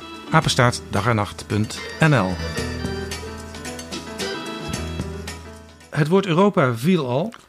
Wij zagen natuurlijk deze week twee bezoeken. Dylan Jessilgus, die was bij Emmanuel Macron, de president van Frankrijk. En Frans Timmermans was bij Olaf Scholz, de bondskanselier van Duitsland. Ja, want dat is natuurlijk toch het derde punt waarvan ik denk, dat wil je toch als burger, als kiezer, dan wil je toch weten, waar staan we nu als ik een keuze maak? En dat is het thema, gaat Nederland zich stevig, herkenbaar presenteren in Europa, ook in deze enorme problemen hè, waar de wereld voor staat? Of kruipen we achter de dijken en hopen maar dat eh, een ander het voor ons oplost? Ja, Jaap, dat bezoek van mevrouw Jesselgus aan het Elysée, dat had iets, iets mysterieus. Want het Elysée heeft er op geen enkele manier enige rugbaarheid Nee. aan gegeven. Terwijl een staatshoofd, als hij belangrijke mensen ontvangt uit andere landen, dan wordt daar natuurlijk aandacht aan Ja, besteed. er komt altijd een persbericht, er komen ook altijd eh, tweets van Macron. Ja, en geen cher Dylan, sauver les Pays-Bas tweet. Nee, waar dat bezoek over ging, wat daar gebeurd is, weten we ook niet. Dus ik dacht, zouden ze misschien niet gewoon als twee liberale leiders, want dat zijn ze natuurlijk in Europa, hebben gepraat over wat gaan we nou toch met die Mark Rutte doen? Kan hij rekenen op de steun van Frankrijk, een belangrijk Ah. lid van de NAVO, een land met een veto in de Veiligheidsraad, een land met zijn eigen kernwapens en zijn eigen ruimteraketten, hè? gaat dat land Mark Rutte steunen? En dat zou dan betekenen dat dus Frankrijk zegt, ja, dan betekent dat dus dat de kandidaat van Macron voor de Europese Commissie, Ursula von der Leyen was dat, hè, zoals jij weet vijf jaar geleden, dat die dan blijft. Je kunt niet dan ook daar ook nog weer een liberaal neerzetten. PG. Of is het andersom gegaan, Jaap? Van ja, die NAVO, ja, ja, ja, ja, ja, dat moet toch een vrouw worden? We weten het niet. PG, ik heb even uitgezocht onder welke titel Jesselgus daar arriveerde op het Elysée. Dat blijkt te zijn als minister van Justitie en Veiligheid. Want op de website van het ministerie lees ik... Minister Jesselgus Zegerius, Justitie en Veiligheid, bracht op 31 oktober een bezoek aan de Franse president Macron in Parijs. Tijdens hun 50 minuten durende ontmoeting spraken ze over onder andere binnenlandse veiligheid extremisme, migratie en de aanpak van de georganiseerde criminaliteit. Ook de situatie in het Midden-Oosten kwam aan bod, als mede de effecten die dit heeft in Frankrijk en Nederland, waaronder antisemitisme. Tevens werden enkele Europese dossiers besproken, waaronder Europese onafhankelijkheid, de open strategische autonomie en duurzaamheid. Afgesproken is dat Frankrijk en Nederland hun uitstekende samenwerking op de veiligheidsdossiers voortzetten en intensiveren. Criminaliteit stopt namelijk niet bij de grens. Al dus het ministerie op de website. Maar dat maakt het nu nog opmerkelijker. Dus de verslaglegging van dit bezoek werd gedaan door het departement en niet door de VVD. Nee, ik dacht dan zullen we waarschijnlijk een deze dagen ook op, het, op de website van het ministerie van Economische Zaken en Klimaat aantreffen dat minister Rob een bezoek brengt aan de president van Frankrijk. Want die hebben natuurlijk ook wel wat te bespreken op die terreinen. En dat zijn ook partijvrienden in Europa. Heb jij al gecheckt wat het Bundeskanzleramt heeft gezegd over het bezoek van Frans Timmermans? Ja. Daar was ik nog niet aan toegekomen. Wat me wel opviel, want ik heb wel een filmpje gezien van Frans Timmermans. Dat dat volledig met Scholz is en een assistent van Scholz. Ik denk dat dat meneer Schmid was, het, het hoofd van het kantoor. Maar Timmermans eh, is toch vertegenwoordiger van twee partijen. En ik zag helemaal niet een van de leiders van de Groenen. Waar was Robert Habeck? Precies. Waar was Annalena Baerbock? Ja, die reist in de hele wereld rond met alle crisis in het Midden-Oosten. Maar Robert Habeck is de fietsenkanter van de Groenen. En onzichtbaar. En nou kan ik me voorstellen dat de Bundeskanzler ontvangt iemand uh, bilateraal, één op één. Maar er waren ook geen belendende tweets of andere mededelingen vanuit het kamp Timmermans over zijn contacten met de Groenen. Dat vond ik opmerkelijk. Als het gaat, Jaap, om uh, de positie van Nederland, hè, kruipen we achter de dijken of laten we ons echt gelden en doen we echt mee in de grote problemen en crisis van deze tijd, is de uitingen die we nu hebben gehoord van CDA-aanvoerder Henry Bontebal natuurlijk opmerkelijk. Ja, je bedoelt dat Bontebal in Buitenhof een aantal kritische opmerkingen maakte bij Nieuw Sociaal Contract. Ja, hij uh, agendeerde daar de opvallende passages in hun verkiezingsprogramma over de rol van Nederland in Europa.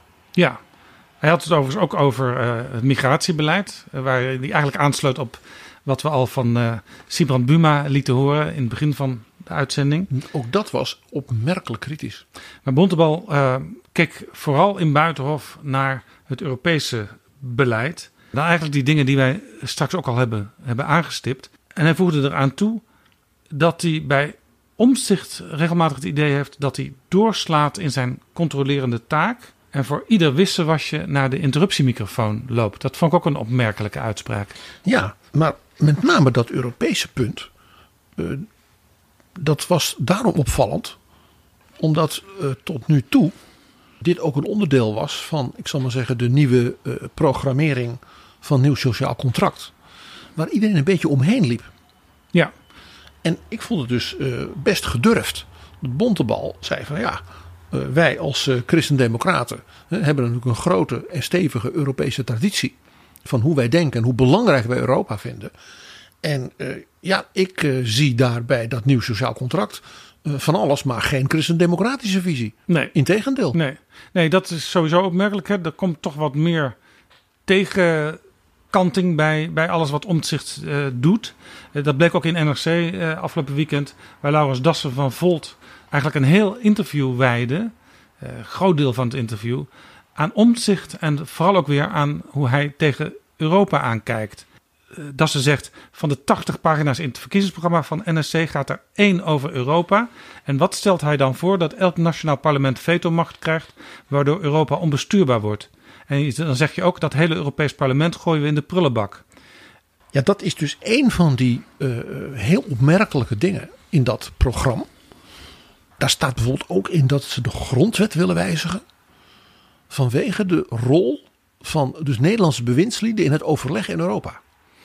Ja, want uh, een minister die dus iets wil regelen in Europa, die moet van tevoren tegen het parlement zeggen: Oké, dit wil ik doen. Dan moet het parlement zeggen: Oké, daar gaan wij mee akkoord. Of we gaan er niet mee akkoord, tenzij dit nog verandert.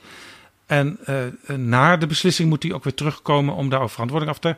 Op zich allemaal goed om voor en na met het parlement te praten, natuurlijk. Dat gebeurt al. Ja, en niet altijd. En soms ook doordat partijen zeggen het hoeft deze keer niet. Maar ik zou zeggen, doe dat altijd. Alleen je maakt het een bewindspersoon wel heel erg lastig om handen en voeten bij elke gang naar Brussel te binden. Ja, en de vraag blijft dan: wat moet daarover dan in de grondwet staan? Want dat is een zeer ingewikkeld eh, proces al. Ja, dat duurt, duurt, dat duurt wat je erover wil regelen kan ook gewoon in een, in een wet. Ja, of in het reglement van orde van de Tweede Kamer. Precies. Tenzij dat punt van dat dus de nationale parlementen, waar Dassen op wees, dat die in feite in Europa een veto-rol zouden krijgen. Ja, dat zou je dan inderdaad in, het, in de grondwet moeten vastleggen. Al was het maar omdat de Europese Unie helemaal niet in de grondwet staat. Nee, die staat niet in de Nederlandse grondwet. Dat is op zich wel opmerkelijk. Dus dat maakt als het ware deze discussie nog, nog ook wel wat vreemder.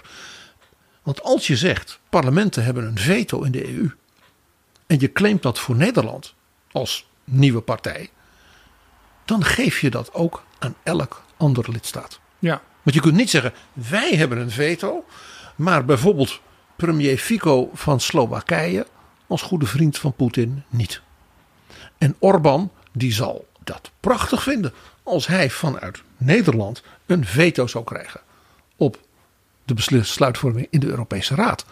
En inderdaad, eh Dassen heeft natuurlijk gelijk. Als nationale parlementen een veto hebben, dan heb je het Europees Parlement politiek gecastreerd. Ja, dat wordt nog heel lastig onderhandelen met Jetselgus en Timmermans. Eh, Want die hebben allebei gezegd er moeten minder veto's komen in de Europese besluitvorming. En hier draai je het twintig keer mee terug. Ja, maar hier krijg je dus mee dat die minder veto's zijn dan veto's van lidstaten in het overleg.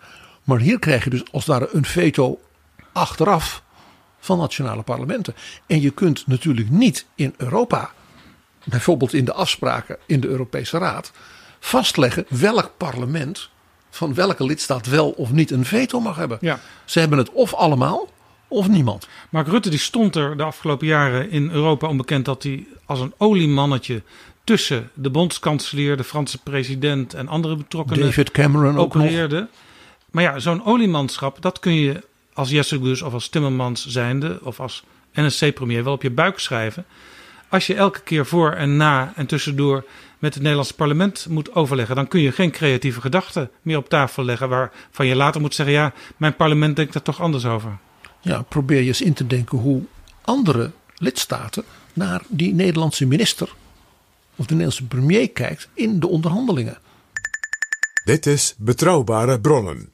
PG, helemaal aan het begin van de show hadden we het over de vraag: nemen de partijen de kiezer serieus? En hoe merk je dat als kiezer, als burger, dat je denkt: oké, hier word ik serieus genomen en hier, ja, kom op zeg. Laten we het daar tot slot nog even heel kort over hebben. Ja, het eerste is natuurlijk wat duidelijk is, is je wordt als kiezer serieus genomen als bijvoorbeeld, hè, denk Wim uit Voorhout, eh, dat soort werk doet en gewoon kan laten zien, dit is wat partijen beloven. Dit zijn dingen waar ze zeggen, daar gaan we misschien wat meer aan doen. Dat, daar is niet zo heel veel geld voor. Dus dat je niet alleen maar mooie beloften doet. Hè, wensenlijstjes, zoals eh, Caroline van der Plas zo mooi eerlijk zei. Maar dat je, zoals dat heet, en prioriteiten en posterioriteiten hebt. Dat je ook eerlijk tegen burgers zegt: op dit punt kunnen we de komende jaren misschien niet allemaal leuke dingen doen, want daar moeten we financieel sober in zijn. Dan word je serieus genomen. Als je niet bij alles als burger meteen Ja. maar je zin krijgt. Een tweede ding is waar je echt op moet letten. Ook in debatten is wat ik maar noem. Jaap, jij kent dat wel ook in het Haagse wereldje. De wegduiktrucs. Ja, die zie je in alle debatten heeft weer terugkomen deze dagen. Een heel mooi voorbeeld is de arbeidsmigratie. Daar hadden we het natuurlijk met Hein de Haas ook over. Ja. Je hoort het in alle debatten. Arbeidsmigratie die moet worden aangepakt. En dat moet minder en enzovoort, enzovoort, enzovoort. Maar let op. Bijvoorbeeld BBB meldt in het programma in een soort bijzinnetje dat natuurlijk de land- en tuinbouwsector natuurlijk wel gewoon moet kunnen produceren. Dus die wordt als het ware buiten haken gesteld bij het aanpakken van de arbeidsmigratie. Ja, dat was heel opmerkelijk. Nou, eh Hein de Haas gaf natuurlijk al aan dat wie roept een asielstop of we hebben een quotum en zelfs zo'n saldo, dat is gewoon fake. Dat kun je ten eerste alleen maar doen als je een exit hebt. Uitvoerbaar, de facto concreet is het niet. Nou, dat is goed om te weten. Als je dus zegt we hebben een uitgavenplafond voor een sector, Ja. dan moet je dus opletten als, als burger. Aha, dat betekent dat men in feite zich voorbereidt om op die sector te gaan bezuinigen. Want dat betekent dat. De laatste van de, ik zal maar zeggen, triggers waar je op kunt letten. Ja, van word ik nou wel serieus genomen? Is partijen die, eh, hoe noem ik dat nou Jaap? Eh, schone handen claimen. Die dus zeggen, wij hebben zulke zuivere opvattingen. Het is zo belangrijk wat wij vinden. Wij gaan daar met anderen niet over marchanderen. Nee, mijn ideeën zijn zo goed en zo zuiver, dat doe ik niet. Ja, je had vroeger een partij die heette de PSP. Die ging uiteindelijk ook op in GroenLinks. Maar die hadden een leider, Fred van der Spek. En die was daar absoluut niet van gediend, van die samenwerking met andere partijen in GroenLinks. Eh, hij zei: Het maakt mij ook helemaal niet uit hoeveel zetels we hebben. Of we er nou drie hebben, of twee of één. Als ik hier in mijn eentje zit en ik kan het zuivere geluid van de PSP in de Kamer verwoorden, dan is dat voldoende. Het grappige is, we hebben daar een variant van nu aan het Binnenhof. En dat is natuurlijk de Partij voor de Dieren. Want mij viel op dat die na veel interne troebelen zichzelf nu ja, weer een beetje de grond onder de voeten hebben. En zich presenteren. En die zeiden ja, klimaat en al die vraagstukken, dat is zo ongelooflijk belangrijk. En onze ideeën daarvoor zijn zo ja, noodzakelijk. Dat we alleen gaan samenwerken met anderen als onze ideeën worden uitgevoerd. Dat is een hele aparte vorm van fundamentalisme. Ja, het is ook opmerkelijk dat, dat Esther Ouwehand dat dus blijkbaar voor het landsbestuur zo ziet. Terwijl ze intern gedoe had met eh, oprichters van de partij. Over mag je wel of niet lokaal meebesturen. Want lokaal niveau zijn sommige afdelingen van haar partij nu zover. Wij willen misschien best wel een wethouder leveren. En eh, ja, de oprichters vonden dat geen goed idee. Ouwehand zei, dat, dat moeten jullie zelf op jullie eigen niveau bepalen. Overigens, PG, is ook een beetje de houding die toch vaak in de praktijk de SP ook heeft. Hè, als het gaat om regeren. Ja, met de VVD niet. Of met deze VVD niet. Of, ja, maar moeten wel deze en deze punten eh, in het programma staan. Anders doen wij sowieso niet mee. Het was heel opmerkelijk. Er kwam naar aanleiding van het debat van Omtzigt, of beter het gesprek van Omtzigt met Frans Timmermans, ook een reactie van Renske Leijten. En die ging ineens vanuit diezelfde manier van denken in de aanval op haar grote vriend Pieter Omtzigt. Van ja, het klinkt wel allemaal mooi, maar je kiest niet voor dat je dan concreet met ons op links gaat. Nee. Eh, er is nog een partij, eh, de PVV van Geert Wilders. Eh, ze hadden ooit bij verkiezingen één A4'tje waarop hun verkiezingsprogramma stond. Nu kan hij het blijkbaar af met een tweet. Eh, want hij schreef: Mijn vier puntenplan voor Nederland. 1. Asielstop, grenzen dicht. 2. Criminele jihadisten, terroristen en al hun fans het land uit. 3. Nederland is geen islamitisch land, minder islam. En 4. Eigen mensen eerst, Nederlanders weer op één. Hashtag Nederlanders weer op één. En dat is dezelfde Geert Wilders die, voordat hij zeg maar die hete fase van de campagne begon, overal riep dat hij natuurlijk nu mee wilde doen. En helemaal zelfs heel graag met Dylan. En misschien ook wel met Caroline. En dan had hij eh, ook geen breekpunten meer, geloof ik. Of misschien er toch een klein beetje wel. Hij is dus weer helemaal teruggevallen in zijn oude groef. En van wat ik dus noem schone handen fundamentalisme. Ja, en dat leidde in het radiodebat ook tot een reactie van Dylan Jessilgus, die zelf dus die deur naar hem had opengezet. U maakt het land kapot. U weet dat het helemaal niet op die U manier maakt het kan. land kapot. En wat ik zo jammer vind, is er staan nu nieuwe leiders op. Het is een nieuw hoofdstuk voor heel veel partijen. Dit was de kans geweest voor de PVV om te zeggen... en ik hoor het in het eerste blok voorbij komen, hè, we willen regeren. Kom dan met oplossingen die kunnen, die dit land sterker maken. Blijf niet je oude mantra herhalen Ja. die niet eens kan. Want daar is niemand bij opgeschoten. Hè? Mevrouw, Dat- dat u, kan, is- u kan slecht tegen kritiek. U, u raakt geïrriteerd als mensen Helemaal zeggen. Want, nee, maar u reageert niet op wat ik zeg. Is Ik dat u de afgelopen jaren. op. Dat, u kan niet tegen kritiek, u praat nu door mij heen. Dat u de afgelopen jaren iedere keer heeft beloofd aan de kiezers streng te zijn. en u het tegenovergestelde doet. Blijkbaar heeft de VVD toch spijt van die strategische zet om de deur open te maken naar Wilders. Want nu wordt een heel klein beetje weer dichtgeschoven. Ja. En Maar toch- ook weer niet. Nee, want ik weet zeker dat je zult zien in de debatten. eh, bijvoorbeeld Timmermans, maar zeker ook Jette. eh, die zullen steeds de VVD erop aanspreken. Hoe zit dat nou, die samenwerking met de PVV? En dat kan men doen. Bijvoorbeeld, dan kan men zeggen, die vier punten, mevrouw Jesselgus. Welk van die vier punten zijn voor u een breekpunt? Ten opzichte van de PVV. En dat is natuurlijk een hele reële vraag. En daarmee heeft mevrouw Jesselgus dus nog iets bereikt, zal ik maar zeggen, met haar campagne.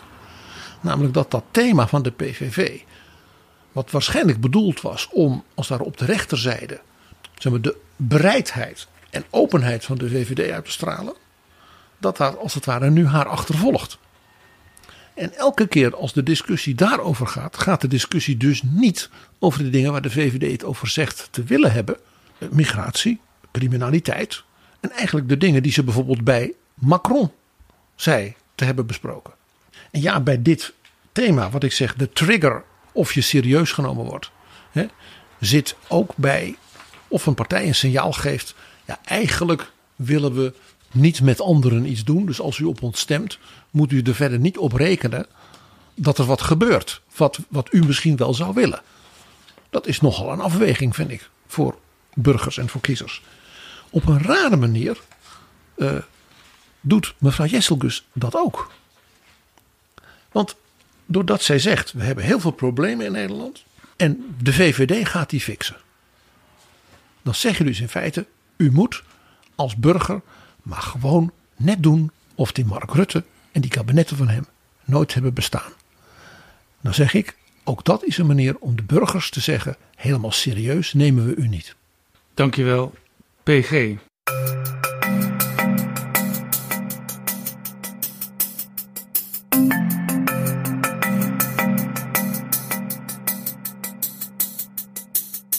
Zo, dit was Betrouwbare Bronnen aflevering 380. Deze aflevering is mede mogelijk gemaakt door de donaties van luisteraars. En als je ons wil helpen, ga dan naar vriendvandeshow.nl slash bb. Een van die vrienden, Maarten uit Purmerend, schrijft ons... Beste Jaap en PG, sinds ik anderhalf jaar geleden door een goede vriend werd geattendeerd op jullie podcast... ben ik niet meer gestopt met luisteren. Ik verheug me altijd weer op de volgende podcast. Verder betrap ik mezelf erop dat als er politieke ontwikkelingen gaande zijn... ik vaak terugdenk aan een van jullie afleveringen... of uitkijk naar het moment dat jullie dit gaan behandelen. Ik waardeer heel erg de tijd en de rust die jullie nemen om een onderwerp te behandelen... en hoe jullie wegblijven bij de waan van de dag. Ga zo door. Jaap, wat een prachtige opdracht. En ook een uitdaging weer. Hè? Wegblijven bij de waan van de dag. Zullen we het blijven proberen? Tot volgende keer. Betrouwbare bronnen wordt gemaakt door Jaap Jansen in samenwerking met dag en nacht.nl.